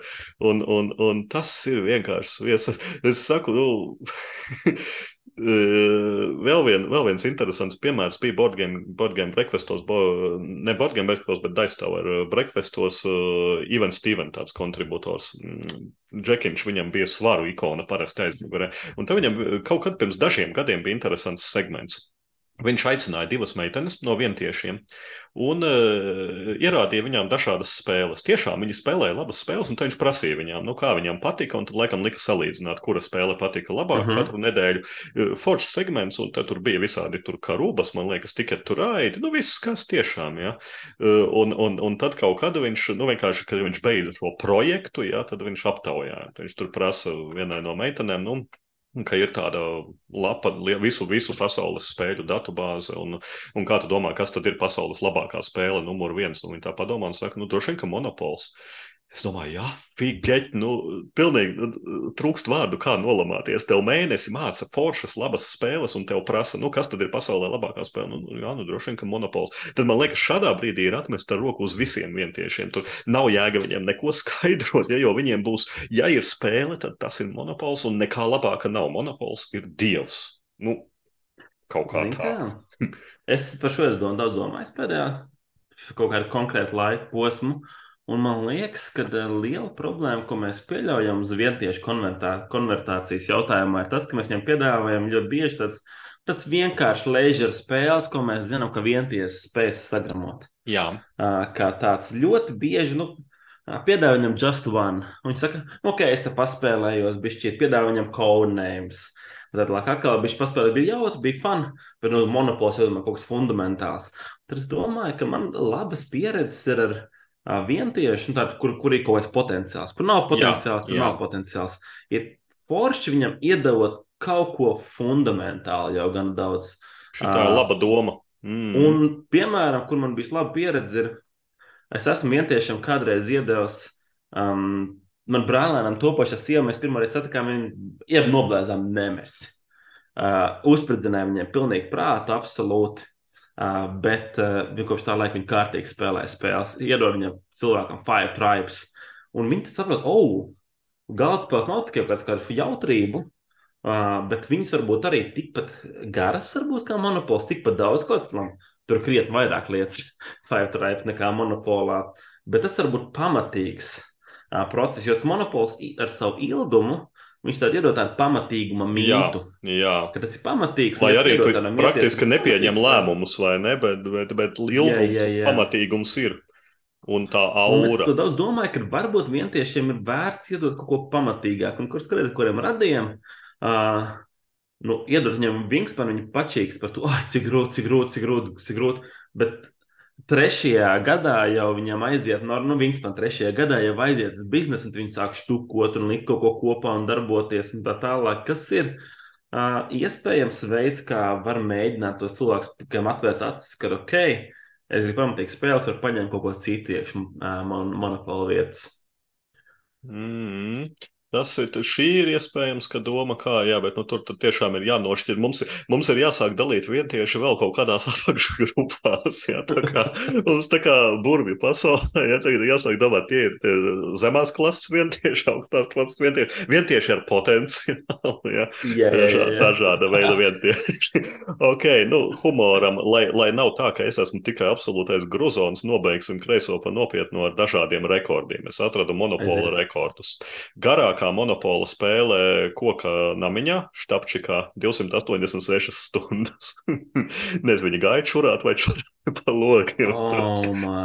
Ilgākā monopola spēle zem zemes, nu vai pazemē 100 stundas. Ilgākā monopola spēle vannā. Kā tu domā, Kristap, cik varētu? Vannā. Es Nezinu, 112, 125. Ok, 99. Es teiktu, ka tu, jā, tur, bet tur varētu būt, ka nesāk lobīties āda nost. Jā. Bet, bet šis man liekas, uh, rīktīgi frīkī upside down. Garākā monopola spēle ar galvu uz leju, jā, 36 stundas. Un garākā monopola spēle neoficiāls Guinnessa rekords, bet piefiksētā garākā monopola spēle 1680 stundas, jeb 70 dienas. Tā kā, tā kā visiem monopola faniem jums vēl ir kur augt. Ja jūs neesat spēlējuši 70 dienas un ne uzsetapots uh, bēniņos un aizmirsts, neskaitās, ir tiešām spēlēšana. Par laimi galda spēlēs mums. Mēs, mēs varam piedāvāt kaut ko tikpat smagu, es gan neesmu spēlējis, bet ir, bet ir spēles, jā, kuras diplomacija, man liekas, spēlē pa pastu, un tur arī aiziet mēneši, divi vai, vai, vai trīs, mm. -hmm. ja tā skatās. Un korespondents šahā tieši tā mēdz būt, ka partija iet uh, gadu. Tā kā jā, tas bija mūsu kreisais par nopietnu, tāds cepiens par monopolu. Es domāju, ka cerams, ka ne tikai sagrozījām, bet arī kādam likām pasmieties, vai ne? Cerams, jā. Labi, mums ir nākamais punkts. Vai pat pēdējais punkts, es teiktu, pēdējais dūriens šogad, bezgalīgais duelis, dum, dum, dum, kur mēs ar Kristapu cīnāmies, lai pierādītu savas mega zināšanas par galda spēļu pasauli. Un novembris ir tas brīdis, kurā mēs parasti pieliekam to pēdējo punktu. Un šobrīd Kristaps man ir priekšā par pieciem punktiem. Un ko mēs šodien darīsim? Mēs liksim, pārbaudīsim absolūto erudīciju. Liksim otram uzminēt, kurā vietā Boardgame Geekā ir ka katra no trim mūsu viņiem piedāvātajām spēlēm. Un par katra desmitnieka nobīdi nāk plus viens punkts. Tad, principā, tā, tā burtiski skatoties, Kristaps drīkst uh, kopā kļūdīties par 50 vietām vairāk kā es. Jā. Lai Es gribu klausīt, Mm. es gribu klausītājiem pieteikt, ka Toms ir izdarījis visu, lai šito nevar, nevarētu uzvarēt nekādīgi, absolūti. Uh, Kādā Pirmkārt- veidā es to esmu pirmkārt, izdarījis? pirmkārt, es gribu pieteikt, ka es uh, visiem, kad es vinnēšu regulāro sezonu. Jā, Tas- to tu tas jau ir svarīgi. To esi Regulārās izdarījis. sezonas kausa ir. Es neatceros pagājušajā gadā, man liekas, vismaz vienu gadu no iepriekšējiem diviem es vinnēju arī regulāro sezonu. Bet tagad ir pilnīgi crazy. Mēs varam nopelnīt līdz pat 100 punktiem. Es šovakar dzeru trešo kubu libru. Es, es, es paskatījos, tad 944 spēli, man likās, ka viņam varētu būt top 200. Tā kā esmu diezgan, Nu, diezgan liels novaras. Jā, gan jau. Tu, e, šeit, šeit ir vai nu absolūtās erudīcijas konkurss, vai absolūtās nejaušības konkurss. Tā, man Es šķiet, ka tev ir. pieskos kādu tiem ķīniešiem, kas tur Guinness rekords, skaitos alfabēts, viss no otras puses un kaut kāds te telefona grāmatas katalogs. Ja, ja kādu klausītājiem ir, lūdzu, nāciet. Neviens tev neliedza, Kristap, gatavojoties playoffam, iemācīties visas tūkstošas vietas Borgām Gīkā un tad uh, parādīt man pīgli. Ja? Viņas mainās. Viena no manām spēlēm izmainījās. Viena, Nā, tas ir sīkumi. vakardien. Labi, es atvēršu kalkulātoru, jo tas mums būs vajadzīgs. Jā, Un man Jā, liekas, kā mums tagad sanāk lielākai intrigai? Es esmu, tu esi man priekšā par pieci, tad sanāk, ka tev vajadzētu Tev minēt jāsāk. pēdējam. Vai ne? Tev Tad, jāsāk. tad tev man ir Jā. jādod. Nu, aiziet. Sāksim ar lielo naudas maisu. Ugh, Jā, Disney un Vilanovs cilvēkiem ļoti patīk, bet vai viņš ir gan augstu uzkāpis? Es saku 260. U, ir cerības, jo viņš ir 680. vietā. Nu, spēcīgi. Tā, kas mums tagad notiek? 680 minus 260 dalīts uz 10. 42 punkti. 42 punkti. Šis būs jautri. Tā, 42 Šis bija mans lielākais trumps. Šis bija tev spēcīgs ie, ie, iesākums. Labi, labi. Jā. Es, es tev atriepšos ar kaut ko tādu, no kā tu negaidīji atpakaļ uzbrukumu. Kaut ko tādu, ko tu esi apsmējis, bet tu nezināji, ka viņš pacelsies no sava zārka, un tas ir horrified. Oh, viņš ir top 1000. Acīm redzot. Man kalkulatorā rādās 420. tagad. Hmm, varbūt to arī jāšā. Nē, viņš noteikti ir augstāk. Cilvēkiem patīk šis vaiprāts. 254. 254 mīnus 161 nav tik traki. Tu dabūji tikai ir labi, 9 16 punktus. Ar 9. 9 punkti. Holy! Viņš ir guacamole. 161. vietā, Horrified. Nu, tu esi iesācis labi, viņš ir augstu. Cilvēki nepiekrīt tev un tavam uzmetienam, teiksim, godīgi. Es brīnos, ka Vilnius ir zemāk par viņu. Man patiesībā tas arī Horrifieds ir vecāks. Horrifieds ir vecāks vienkārši tāpēc. Es domāju, ka tas uzkāps. Man liekas, ka Hmm. Horrifieds bija jau agrāk. Nu, ok, labi. Ko tu man vari piedāvāt tālāk? Kā tu Labi. man vari iegāzt? Ķersimies pie poļiem. O, tie ir mani. Šito tu neesi spēlējis. Šito tu Ah. neesi spēlējis. Bet tu zini to spēli. Tas ir This War of Mine. Oh, this war of mine. Yes. Uh, This war of mine. Es teiktu, ka viņš varētu būt nokritis. Man vis, nes kāpēc visu laiku man gribas minēt 240. un Es minēšu 285. Um, tas ir labs rezultāts, jo reālais viņam ir 200, es atvainojos, 162. Aha, 285 mīnus 162. 12 punkti.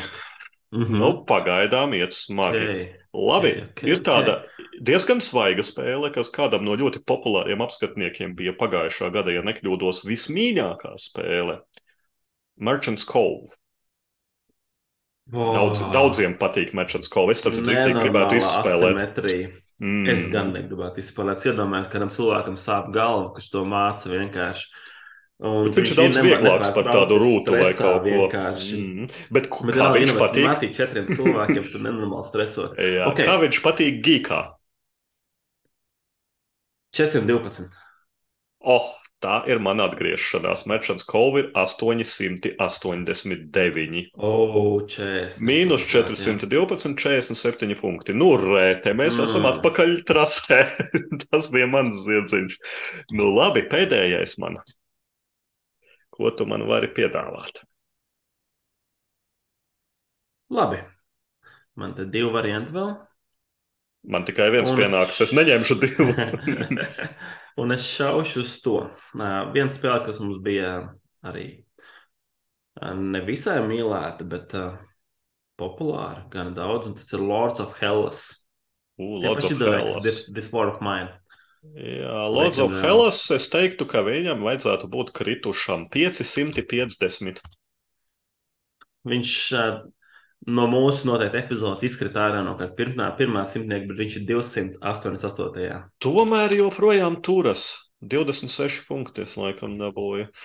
Nu, labi, tūlīt mums, Jā. man liekas, ka tagad ir brīdis, kurā mums ir jāsaskaita, lai visi var justies, uh, just līdzi Kristapam. Tātad man kopā oh. ir 118 punkti šobrīd, un Kristapam okay. pirms pēdējā ir 33 plus 9 plus 47, 89 punkti. Tātad tu drīksti kļūdīties pār 20, 290 vietām, jā? Nu, ok, ok.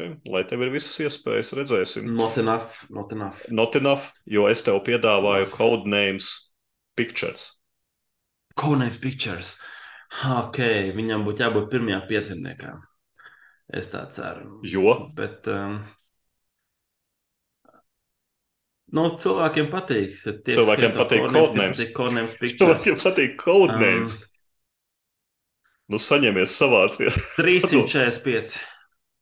Nu, Kristaps bija pelnījis uzvarēt šo sezonu ar šo minējumu, O, jo Codenames? Pictures ir 382.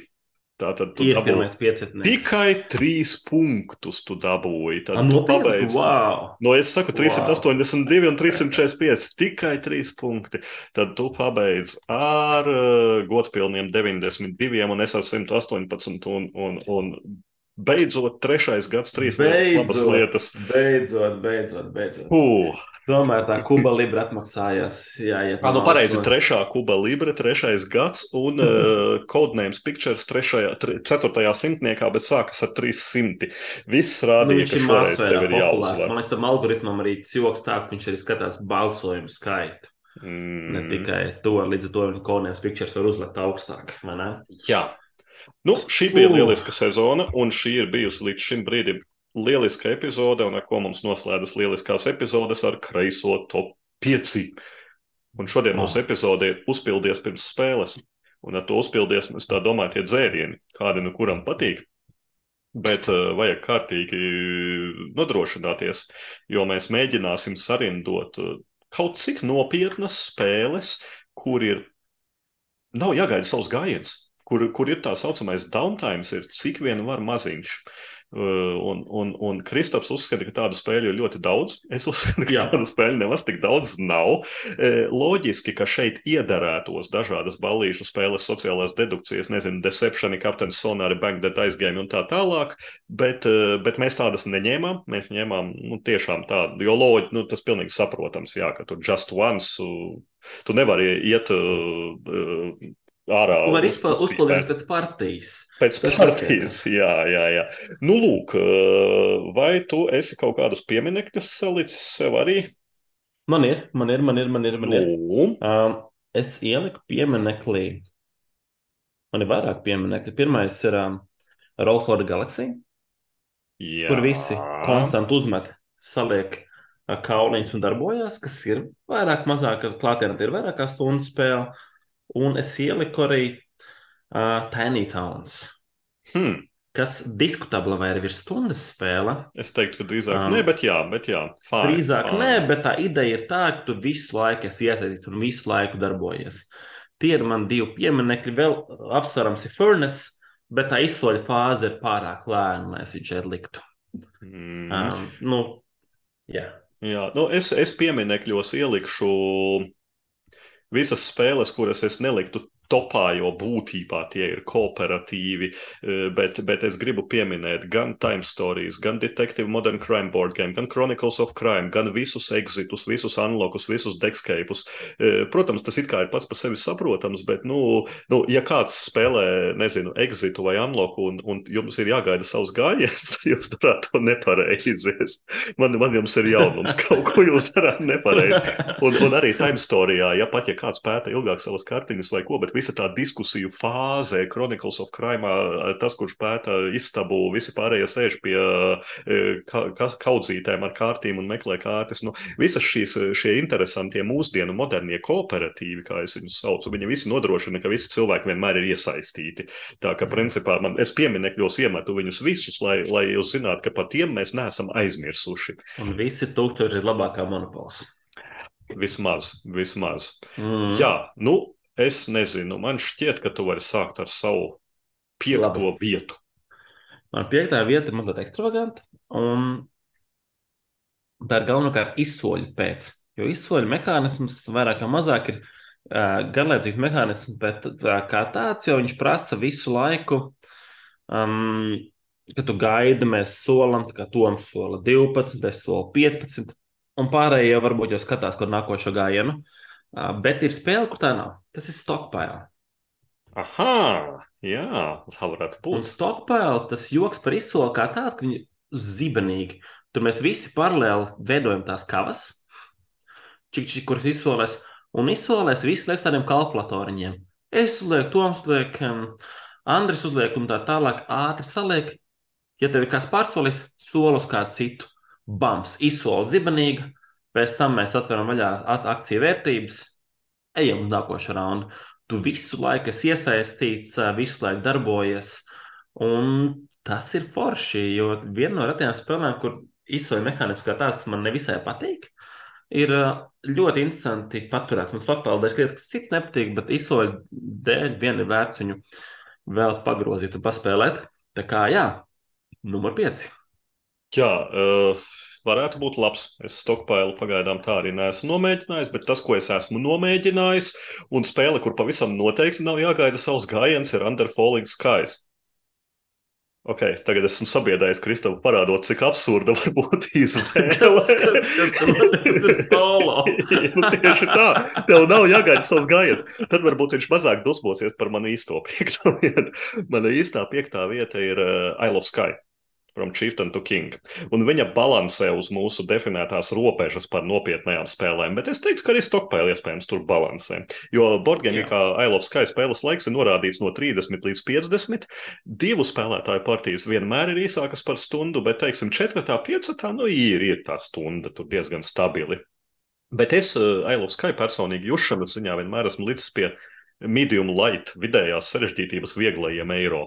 Un uh, kāpēc es uzskatu, ka uh, tur, tur nav, nav praktiski tas tā saucamais downtime? Tāpēc, ka sākumā visi plāno, kurus tad tās plāksnītes viņi pārdos tailiņus, uh, tad krīt aizkari vai, vai, vai tiek pacelti aizslietņi, un tad ir ļoti aktīvi jāpēta, kas ir piedāvājumā, kādas ir cenas. Un atkarībā no kompānijas notiek arī galda sarunas, mēģinot iepārtot savu preci vai tieši izvairīties, lai tavu preci nopērk, ja tu viņu gribi pats nopirkt, tad nepievērst uzmanību vai novērst. Un, un tad, kad uh, notiek pati šī pirkšana, visu laiku visi spēlētāji ir investēti, jo uh, tu, tu, tu skaties uz savu galdu, kur tu liksi to savu plāksnīti, kuru, kuru, kuru, kuras tu kur gribētu nopirkt, kuras tevi interesē, skaiti naudu. Uh, Downtimes tā saucamais Ailovs Skajā praktiski nav necik, un tas ir tas viens no tiem iemesliem, kāpēc tā man ir nu, starp iecienītākām spēlēm diezgan augstu noteikti augšgalā. Ir tas, ka tiešām tu spēlē relatīvi ātri, ātri, bet, bet pietiekoši nopietnu spēli, kur nav tikai tā saucamais tile placement mehānisms, bet arī savā ziņā, sava veida izsole, līdzīgi, ka mums piektajā vietā nedaudz tas izsoļu ideja sakrita, mm. un, un, un, un arī vēl kaut kas cits. Tā kā Isle of Sky mans piektā vieta. Nu jā, tas te piesietos, ja tas nebūtu Isle of Sky un nebūtu Fisters, kas no, no Isle of Sky ir izcils. Un katru reizi viņu var iemānīt, tas arī tik nājas. Tā Okay. Man ceturtā vieta ir um, Check Games, kas ir Galaxijas Trackers. Galaxija Trackers, uh, kas mm. uh, tur, manuprāt, nav daudz ko komentēt. Mēs visi paralēli būvējam savu kuģi. Mm. Čiks, čiks, čiks.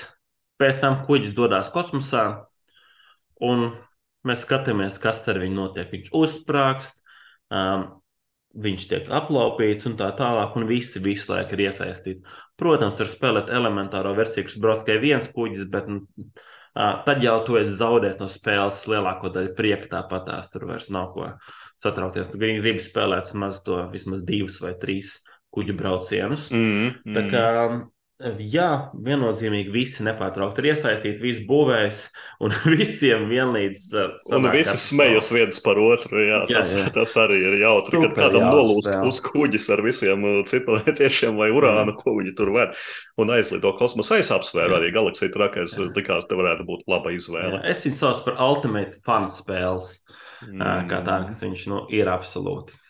Ja tu neinteresē kaut kādu mega stratēģiju, kas tāds ir vienkārši kopā forši uzspēlēt ar čomiem, tad Galaxija Tracker izcils. Nu, pagaidām mums iet relatīvi vieglās spēles. Man ceturtajā mm -hmm. vietā arī ir tāda fun spēle, bet um, spēle, kurai ir divi izdevumi, un vienu no izdevumiem mēs ar Kristofu nesen esam spēlējuši kopā. Varbūt tu zini, kas tas ir. Oh. Tas bija nometnē jēgājas kā. Nu, Libertālija. Ne? Tieši tā, Libertālija. Mhm. Ceturtajā mm -hmm. vietā man ir Libertālija. Vecajai Libertālijai rādītājs beigā gāja zemstundas, jaunajai Libertālijai ir pacēlts. Un tā varētu būt. Jaunā Libertālija ir nedaudz lielāka. Un uh, Libertālijas tā priekšrocība ir, ir, ir, ir, ir lomu, vienlaicīgā lomu izspēle, un pēc tam uh, viss tas, kas notiek, viņš notiek nu, ar jebkuru un, un, un visādos laikos. Ar zobeniem tiek durti izspēlētās kārtas pa labi, pa kreisi, vietas uz kuģa tiek mainītas, viens ņem uh, dārgumus un cits paņem kartes, un tev ir jāpārplāno, ko tu ņems. Es neredzu nevienu, nu, nevienu iemeslu, lai kāds libertālijā varētu, nezinu, bez mazliet izšņaukt degunu brīžiem nav laika, vēl aiziet uzpildīt alu uz kausa. Mm -hmm. Tā kā man, man ceturtajā vietā noteikti arī manis ļoti iecienīta spēle Libertālija, vienalga vecā vai jaunā. Man neienāca prātā Libertālija, viņi varētu nonākt topā. Mm -hmm. Viennozīmīgi atbalsts. Tā kā man prieks, ka viņi paņēma. Nu, re. um, Trešajā vietā man ir kaut kas tāds, ko iespējams Toms neiedomājās. Tāds cerams bagātāks, jo tu zini, ka to šo esi spēlējis, un tev ir īpašumā šis uh, gabals. Un tas ir Steampunk Rally Fusions. Mm, jā, es tagad domāju par tiem downtimeiem. Spēle pati ir pagara, bet laikam downtimes tiešām spēle nav. Spēle ir pagara, pagara, un spēle ir diezgan dziļa. Tu būvēsi engine, kas brauc par tādu. Viņa noteikti ir dziļa. Steampunk, mm -hmm. Steampunk engine kā tādu. Un te ir mazliet atkāpja, jo visticamāk pirmo raundu ar saviem čomiem tu gribi izspēlēt ka mēs katru to darbu, katru savu dzinēju iedarbinām, paskatām, kā, mēs, kā viņš strādā.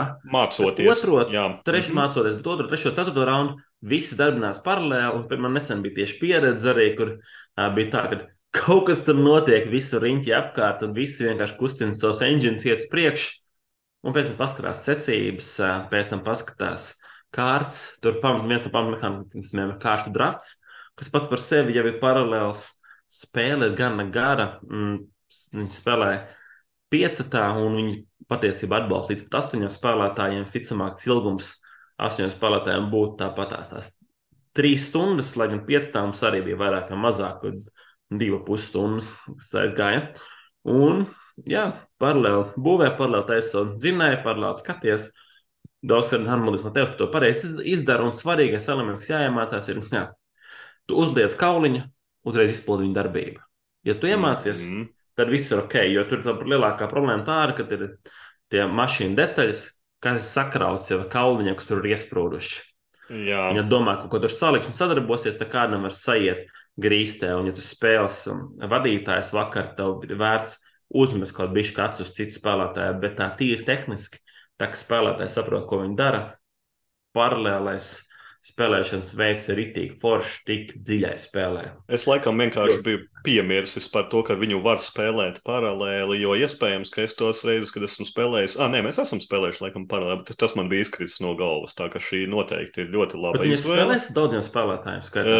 Esmu arī kādreiz pirmo ne Fusion, bet mm. uh, iepriekšējo Steampunk ralliju Jā, esmu spēlējis ar daudziem. Mēs spēlējām nesen piecatā, un tas bija reāli tāds cool, kāds trešais rauns, ka viņš tur darbojās, paskaties, paga, paga, paga, kāds tik tālu aizbrauc uz blakus spēlētājiem, saprot, ka ok, viss kārtībā.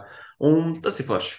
Jā, labi. Kas vēl ir forši? Tā ir mana trešā vieta. Un mana trešā Aiziet. vieta ir Mission Red Planet. Un, ja Kristaps grib iebilst pret Mission Red Planet, aizej un paprasti Krišjānam, ko viņš domā par šo spēli. ja mēs jau nosaucam tā kā līdzīgi, tā kā libertāli. Jā, es zinu, jā, jā, jā, jā, bet runājot par Krišjānu, mēs runājam par Džeku, kurš ir izgulējis, pū, izturējis Forbidden Stars, bet viņš kategoriski atsakās spēlēt tik garu spēli kā Mission Red Planet. Tā kā vismaz viens cilvēks domā, ka Mission Red Planet ir nereāli gara spēle. Un viņa patiesībā var būt pie daudz spēlētājiem, viņa aiziet jau krietni virs stundas, bet var arī atkarībā, cik ātri spēlē. Bet eh, ļoti līdzīgs princips kā Libertālijai. Tiek izspēlētas kartiņas, un šī kartiņu izdomāšana un izspēle ir principā vienlaicīga. Un tad tiek saukts eh, countdown, tā saucamais raķešu palaišanai, un visiem visu laiku ir jāskatās, kas notiek. Jo Pilnīgi analoģiski, kā Libertālijā, tiešām līdzīga tipa spēles. Eh, raķetēs tiek ievietoti dažāda, dažāda līmeņa kartiņas, un viņas viena otru ietekmē. Raķenes aizlido uz Marsu, uz Marsa notiek lietas, eh, cilvēki viens otru nošauj, pārbīda, eh, visu laiku kaut kādas atklāti jauni tailiņi. Noteikti arī tāda spēle, kur tu negribi neko palaist garām, un, un, un, un visu laiku gribi būt klāt un redzēt, kas tur notiek. Mission Red Planet man trešajā vietā. Lielisks izvēle. Second jā, edition, Mission ar Planet Second edition, jā, es neesmu spēlējis pirmo edition, bet, nu, laikam tas second ir absolūtais šobrīd standarts. Tā, nu, jā. okay. Otrā vieta man ir spēle, kas ir viena no manas šī gada lielākajām pārsteigumiem labākajām pieredzēm. Um, kas, starp citu, ir Stoma kolekcijas spēle, un kas ir Ekos First Continent. Mm. Tur mm. izvēlas kluci no maisa, visi viņu atzīmē pie saviem, laukumiem. Izvēlas atkal nākošo lauciņu, atzīmē saviem laukumiem. Iedomājieties, gan um, Kvakus ap Kedlinburgu tikai mazliet nopietnāk, mazliet dziļāk. Mēs velkam, mēs nebojam to lauciņu, bet mēs vienkārši velkam, visi darbojās paralēli, un tad notiek kaut kāda notikuma. kas tur ik pa laikam aktivizējās, bet tu nevari nekur aiziet piecelties, jo tev ir aktuāli, domā par saviem gājieniem, darbojies, tev potenciāli atnāk aizdos noēst tavus um, vērkačus vai žirafs un tā tālāk, un tu visu laiku esi iesaistīts un skaties un interaktē ar to vidi, jo ne tikai tā doma tā, ka tu būvē tos savus atsevišķās kārtas, kas tev veido tavu dzinēju, bet tas viss dzinējs tiek replicēts tādā milzīgā kopējā laukumā. Līdz ar to arī ne tikai tas, ka tu tev mainās tie lauciņi, ko tu izvēlējies, un nāks tālāk jauni resursi, principā mainās arī tas board state, jeb laukuma situācija. Līdz ar to tev nepārtraukti ir interakcija, tev nepārtraukti jāstāsta, kas kur un kā. Tā kā jā, Mm. ekos, the first confidence. Bišķiņi nepiekrītu tajā līmenī, ka, eh, kā jau daudzās dzinēju veidošanas spēlēs, tad, kad notiek kaut kāds tas mega dzinēja blieziens, tajos brīžos man apnīk ekosā sēdēt un gaidīt. Jo tā kā viens spēlētājs viņam izpildās četras kartiņas pēc kārtas, tas ir tas punkts, kur gan visiem ir jāgaida. Jo viņš saka, ah, es izpildīju šo kartiņu, tagad es ņemšu jaunus tādus resursus, tos es uzlikšu uz šī kartiņas, tad es izpildīšu šo kartiņu, izlikšu degunradzi galdā, man no tā izpildās Ok. okay. tā kartiņa. Nu, tur, tur tas downtime bišķiņi rodas nevis pašā spēles procesā, bet tad, kad kādam sakrīt, ka viņam ir čupa kartiņu, kuras viņš tagad pēc kārtas izpilda, viņa tas dzinēja kulminācijas moments, tad gan pārējie var sēdēt un kasīt pakausi un skatīties, kādas projām. Tu negribi, tu gribi redzēt. Gribu vienkārši viņam uzšaut par šo Jā, jā, jā, tieši tā, tu tu gribi. izdarīt, var uzlikt vienu ūdens savākt visu hipam. Jā, ekosā ir tā nianse, ka tev liekas, ka visi citi dara kaut ko nereāli kulu, un tev nekā nav. Bet nu, tad, tu- tad visi citi to pašu domās par tevi pēc kāda brīža. Tas gan. Mm. Uh, Man otrajā vietā ir pieķersimies pie veterāniem. Mystery of the Abbey spēle, kura nu, diezgan droši ir viens stundas tāds vecs Days of Wonders no, 2000 no 1090. Uh, un uh, tur ir, uh, tā ir no vecākas spēles dedukcijām, kur tu se- sev uz kartiņas, līdzīgi kā mūsu daudzkārt apspiestajos awkward gestos vai kaut kur, tu pie sevis zīmē, kurš tad mūks ir vainīgais. Un tev rokā ir kartiņas, kur ir kaut kāda informācija, un mūki ir resni, tievi vienā ordenī, citā ordenī, tēvi, brāļi, noskūtām galvām, ne, bet plikām galvām ar bārdām un tā tālāk. Un kā strādā Mystery of the Abbey, ka spēlētājs staigā pa klosteri un satiekot citus spēlētājus, var viņiem uzdot jautājumus. Tad uzdot kaut kādu jautājumu, piemēram, cik resnus mūkus tu esi redzējis vai atzīmējis savā lapiņā. Un tad tas spēlētājs viņš var vai nu teikt, tur trīs, četrus un uzdot pretjautājumu tam, kam viņš, vai arī viņš var kurš pielikt pirkstu priekšā mutē un neatbildēt uz šo jautājumu. Nu, vienmēr jau parasti spēles sākumā viss viens otram atbild. Un loģiski, ka tu vari, tu, tu, tu it kā gaidi savu gājienu, lai uzdotu sev interesējošo jautājumu, bet tāpat ļoti gribi dzirdēt, jo visi tie jautājumi ir atklāti, ko citi spēlētāji viens otram prasa. Piemēram, man stāv jautājums, es gribu uzdot jautājumu blakus sēdētājiem par resnajiem mūkiem ar plikajām galvām. Cik viņš tādus ir redzējis? Un kāds cits viņam paprasa, cik resnos mūkus viņš ir redzējis, un, viņš, un, un viņam atbild nulle. Loģiski, ka tu neiesi pie tā paša spēlētāja prasīt, klau, bet resnie mūki ar plikām galvām, tos varbūt tu esi redzējis. Ja viņš nav redzējis nevienu resno mūku, tad tev visu laiku ir jābūt uh, iekšā spēlē un tiešām jāklausās, eh, kādus jautājumus viens otram uzdod, un ja tu gribi tā rīktīgi deducēt, tad var mēģināt uz tās lapiņas. Es tiešām esmu mēģinājis the Abbey visu lapiņu aprakstīt no abām pusēm, ka tur uh, Zigmārs prasīja uh, Dainai, uh, uh, interesējās par mūku brāļiem, un, un varbūt, ka Zigmārs vairāk zina par mūku brāļiem, un, un ja man ir palicis tikai viens mūku brālis neizsvītrots, tātad, ja Zigmārs par tiem prasa, tad visdrīzāk, tas ir pie viņa, un es varu to arī izsvītrot. Nu, tiešām šī ir tas dziļās dedukcijas jautājums, un kur es gribētu šo salīdzināt standartā. Kristapa uzmetiens, starp citu, awkward guests man patīk labāk par the Abbey. Bet šī downtime ziņā awkward guests daudz zaudē vecmeistaram, jo awkward gestos uh, ar tevi var nesamainīties ar kartiņām, ar informāciju, un tad tu sēdi. Ot tad tiešām tu vari aiziet bez maz vai uzpīpēt vai uzjaukt jaunu kokteili, atnākt atpakaļ. Visi citi, kuri samainījās ar kartiņām, viņi tik šņika, šņakarē uz savas lapiņas kaut ko zīmē, tev joprojām informācijas nav. Un awkward gestos var gadīties, ka pusapli tu neiegūst jaunu informāciju jēdzīgu. Mystery the Abbey visu spēli tu klausies, domā, kurš kuram, a, kāpēc viņš to prasīja, kam tur, ja? Un, un tad tu padod kaut kādas kartiņas uz priekšu starp raundiem, un tad tev ienāk jaunas kartiņas, un tu atkal piezīmē un skaties, ko tur kurš, ja, un tad tu zini, ka uh, tur, tur, tur Ilmārs blakus, viņš tagad arī zina par resnajiem plikai, pliko galvu mūkiem. Tā kā jā, the Abbey, otrā vieta. Es nezinu, vienīgā reize, kad es spēlēju, mēs spēlējām pēc pirmā papildus kārta, ka mums visu laiku jārunā uh, baznīcas tēvu balsī. Ir tur tāda kārts, jā. Tas Viņam nakšot, viņam nakšot pārizdevums, bet, bet šitādu rakstīšanos viņu var arī izlaist, ja viņa besī. Tas, tas spēles Nu, būtība. nevar izlaist hardcore gamer, nevar izlaist. Nu, hardcore gamer. Hardcore izvēlēt, tev ir jādrunā tie baznīcas, baznīcas tēvu balsī, kas bija forši, es atceros, bet tas bija traģiski. Ok, bet ok, ok, ok, ok, jā. Ja tu noklausīt no citiem spēlētājiem, tad nāks, nāks, nāks absolūti piekrist. Jā, numur viens. Numur viens man ir um, viena no šī gada lieliem atklājumiem, kas ir spēle, kur tu principā um, pildi nodokļu deklarāciju pats ar sevi un pēc, pēc laika paskaties, kur, kurā, no kurā pusē, no kuras puses nāk pikti, uh, kas ir Hadrian's Wall. Uh, vairāk vai mazāk tev ir. Tad dara arī spēle, par ko es domāju uzreiz, kad mēs runājam šo topu.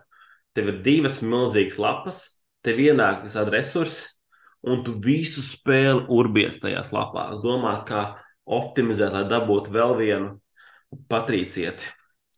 Un tā tālāk, kad dabūtu vēl vienu karavīru, un tā tālāk, un darbojas. Tu zīmē, zīmē, zīmē, visu sazīmēši, ok, pasties kaimiņam. Otram kaimiņam, ja vajag viņam ko samainīt, viņš iedod resursus, viņš tā saka, o, oh, man atnāca akmens no tevis, vai kaut kas tamlīdzīgs. Un pēc brīdi viņi visi ievelk kalpu, atnāk pikti, un mēs to darām kopā vēl piecas reizes, ja kopā sešas reizes. Un tā domāšana ir ritīgi intensīva, un Hedrians Vols tagad skatos, ka var izspēlēt stundā pusotrā pārsvarā partiju, un vienalga, spēlētāji - divi, trīs, četri, pieci. Uh, tu esi nemitīgi, esi nodomājies, pamatīgi, nokalkulējies uh, ļoti, ļoti, ļoti intensīvi. Uh, un tādā no tādas efektivitātes viedokļa viņi ir super efektīvi. Tiešām nav tā kā daudzās spēlēs 9 minūšu spēle. Tur reāli spēlē 25 minūtes, 4 spēlētāji spēlē Hedrians Wall, 9 minūšu spēle, spēlē 90 minūtes arī. Uh, kas ir forši? Un vispār veidot šo topu, es, paman, es skatījos, pamanīju, ka ir ļoti, ļoti daudz spēles, kas man īpaši iet pie sirds. Tā kā milzīgs, milzīgs, milzīgs prieks par to. Tā kā jā, Tom, kas tas numur viens? Uh, mans numur viens, es turpināšu būt kacīgs un likšu tev minēt, Kāpēc? Tāpēc, ka dižie prāti vismaz tematiski domā līdzīgi. Manā pirmajā vietā arī ir pikti. Tur arī ir saksoņi, un notikuma vieta ir, nu, es nezinu, vai, vai Heidrians Holā bija saksoņi, bet, bet pikti pavisam noteikti. Un uh, notikuma vieta ir apmēram līdzīga. Camelot. Varbūt pišķiņ cits laiks. Tieši tā. Man pirmajā vietā ir Shadows over Camelot. Es palieku pie Days of Wondera. Ilgums uh, virs stundas krietni, mums parasti ap divām stundām. It kā Borgēmīgi saka, ka var izspēlēt pa 60 minūtēm, nu nezinu, tur ir drausmīgi jāneveicas, lai, lai zaudētu tik ātri. Bet es esmu redzējis Shadows over Camelot ar paplašinājumu partijas arī, kas eh, pie pilna spēlētāju skaita, nu ne pie pilna, bet pie kādiem sešiem spēlētājiem septiņiem iet stundas četras. Un uh, Shadows of Camelot, tiem, kas nezina, tā tad ir spēle ar iespējamo slepeno nodevēju, bet vispār tas ir kooperatīvs. Uh, un, nu, ir tāds diezgan smags kooperatīvs. Un uh, kāpēc tā spēle, manuprāt, ir ar ļoti mazu tā saucamo downtime, un tu nevari īpaši savu gājienu gaidīt, tāpēc, ka tas gājiens ir ļoti vienkāršs. Gājienā bruņinieks izdara slikto darbību, izvēloties vienu no trim, kas ir, nezinu, tur uzliku katapultu, jā, noņēmu sev dzīvību vai vēru vaļā slikto kartiņu un izdara labo darbību. Un tā labā varonīgā darbība ir ļoti elementāra. Vienkārši pāriet no galda no viena punkta uz otru, papildināt savu roku pievilkt vai arī izspēlēt kartiņas vai dažādās vietās, kur tu atrodies, piemēram, tur Spēlē kartiņas, lai vilktu ārā zobenu, spēlē kartiņas, lai meklētu aputējušo grālu, spēlē kartiņas, lai cīnītos pret uh, piktiem un tā tālāk. Un tie gājieni ir tik ātri, un uh, kādēļ tev ir jābūt tai spēlē iekšā pilnīgi? Tāpēc, ka nu, nu, loģiski, ka ir jābūt tam nodevējam, un tev ir jāskatās un jānoķer kaut vai aizdomīgs skatiens no kāda cita spēlētāja kādā virzienā, un tev ir visu laiku jāčeko, ko viņi dara savos gājienos, kāpēc viņš, kāpēc viņš tur negrib iet, kāpēc kāpēc viņš teica, ka viņam pietiks kāršu, un tagad viņam nepietiks. Ja? Un, un, un kāpēc Sanita sēž tikai uh, kamelotā pašā un vēl kārtas nepārtraukti? un negrib neko darīt, un saka, nē, nē, visas kārtas viņai ir sodīgas. Oh, un, un, un Pēteris jau zobenu varēja izvilkt pirms trim gājieniem, kad turpina kaut ko tur muļāt, un zobens staigā šurpu turpu.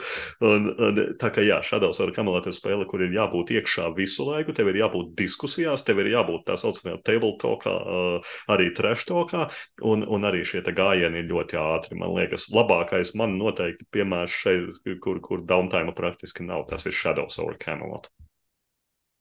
Jā, nav, nav nevainas. Absolūti. Man liekas, ka pārsvarā tas sliktais spēlētājiem, mans lielākais mīnus un Shadows, tā, ja tu esi nodevējs, nu, tev jādara labas lietas, ļoti daudz, kas palīdz principā visiem. Tev ir tad priekš tā laika spēlē forši, bet ir gana maz lietas, ko tu kā sliktais var tiešām sabotēt. E, jā, Kas bet ir mums ir bijuši sliktie spēlētāji, kuri, kuriem ir bijis žēl, cik mums slikti iet, un viņi pēc partijas saka, ka viņi nedarīja neko sliktu, viņi centās palīdzēt.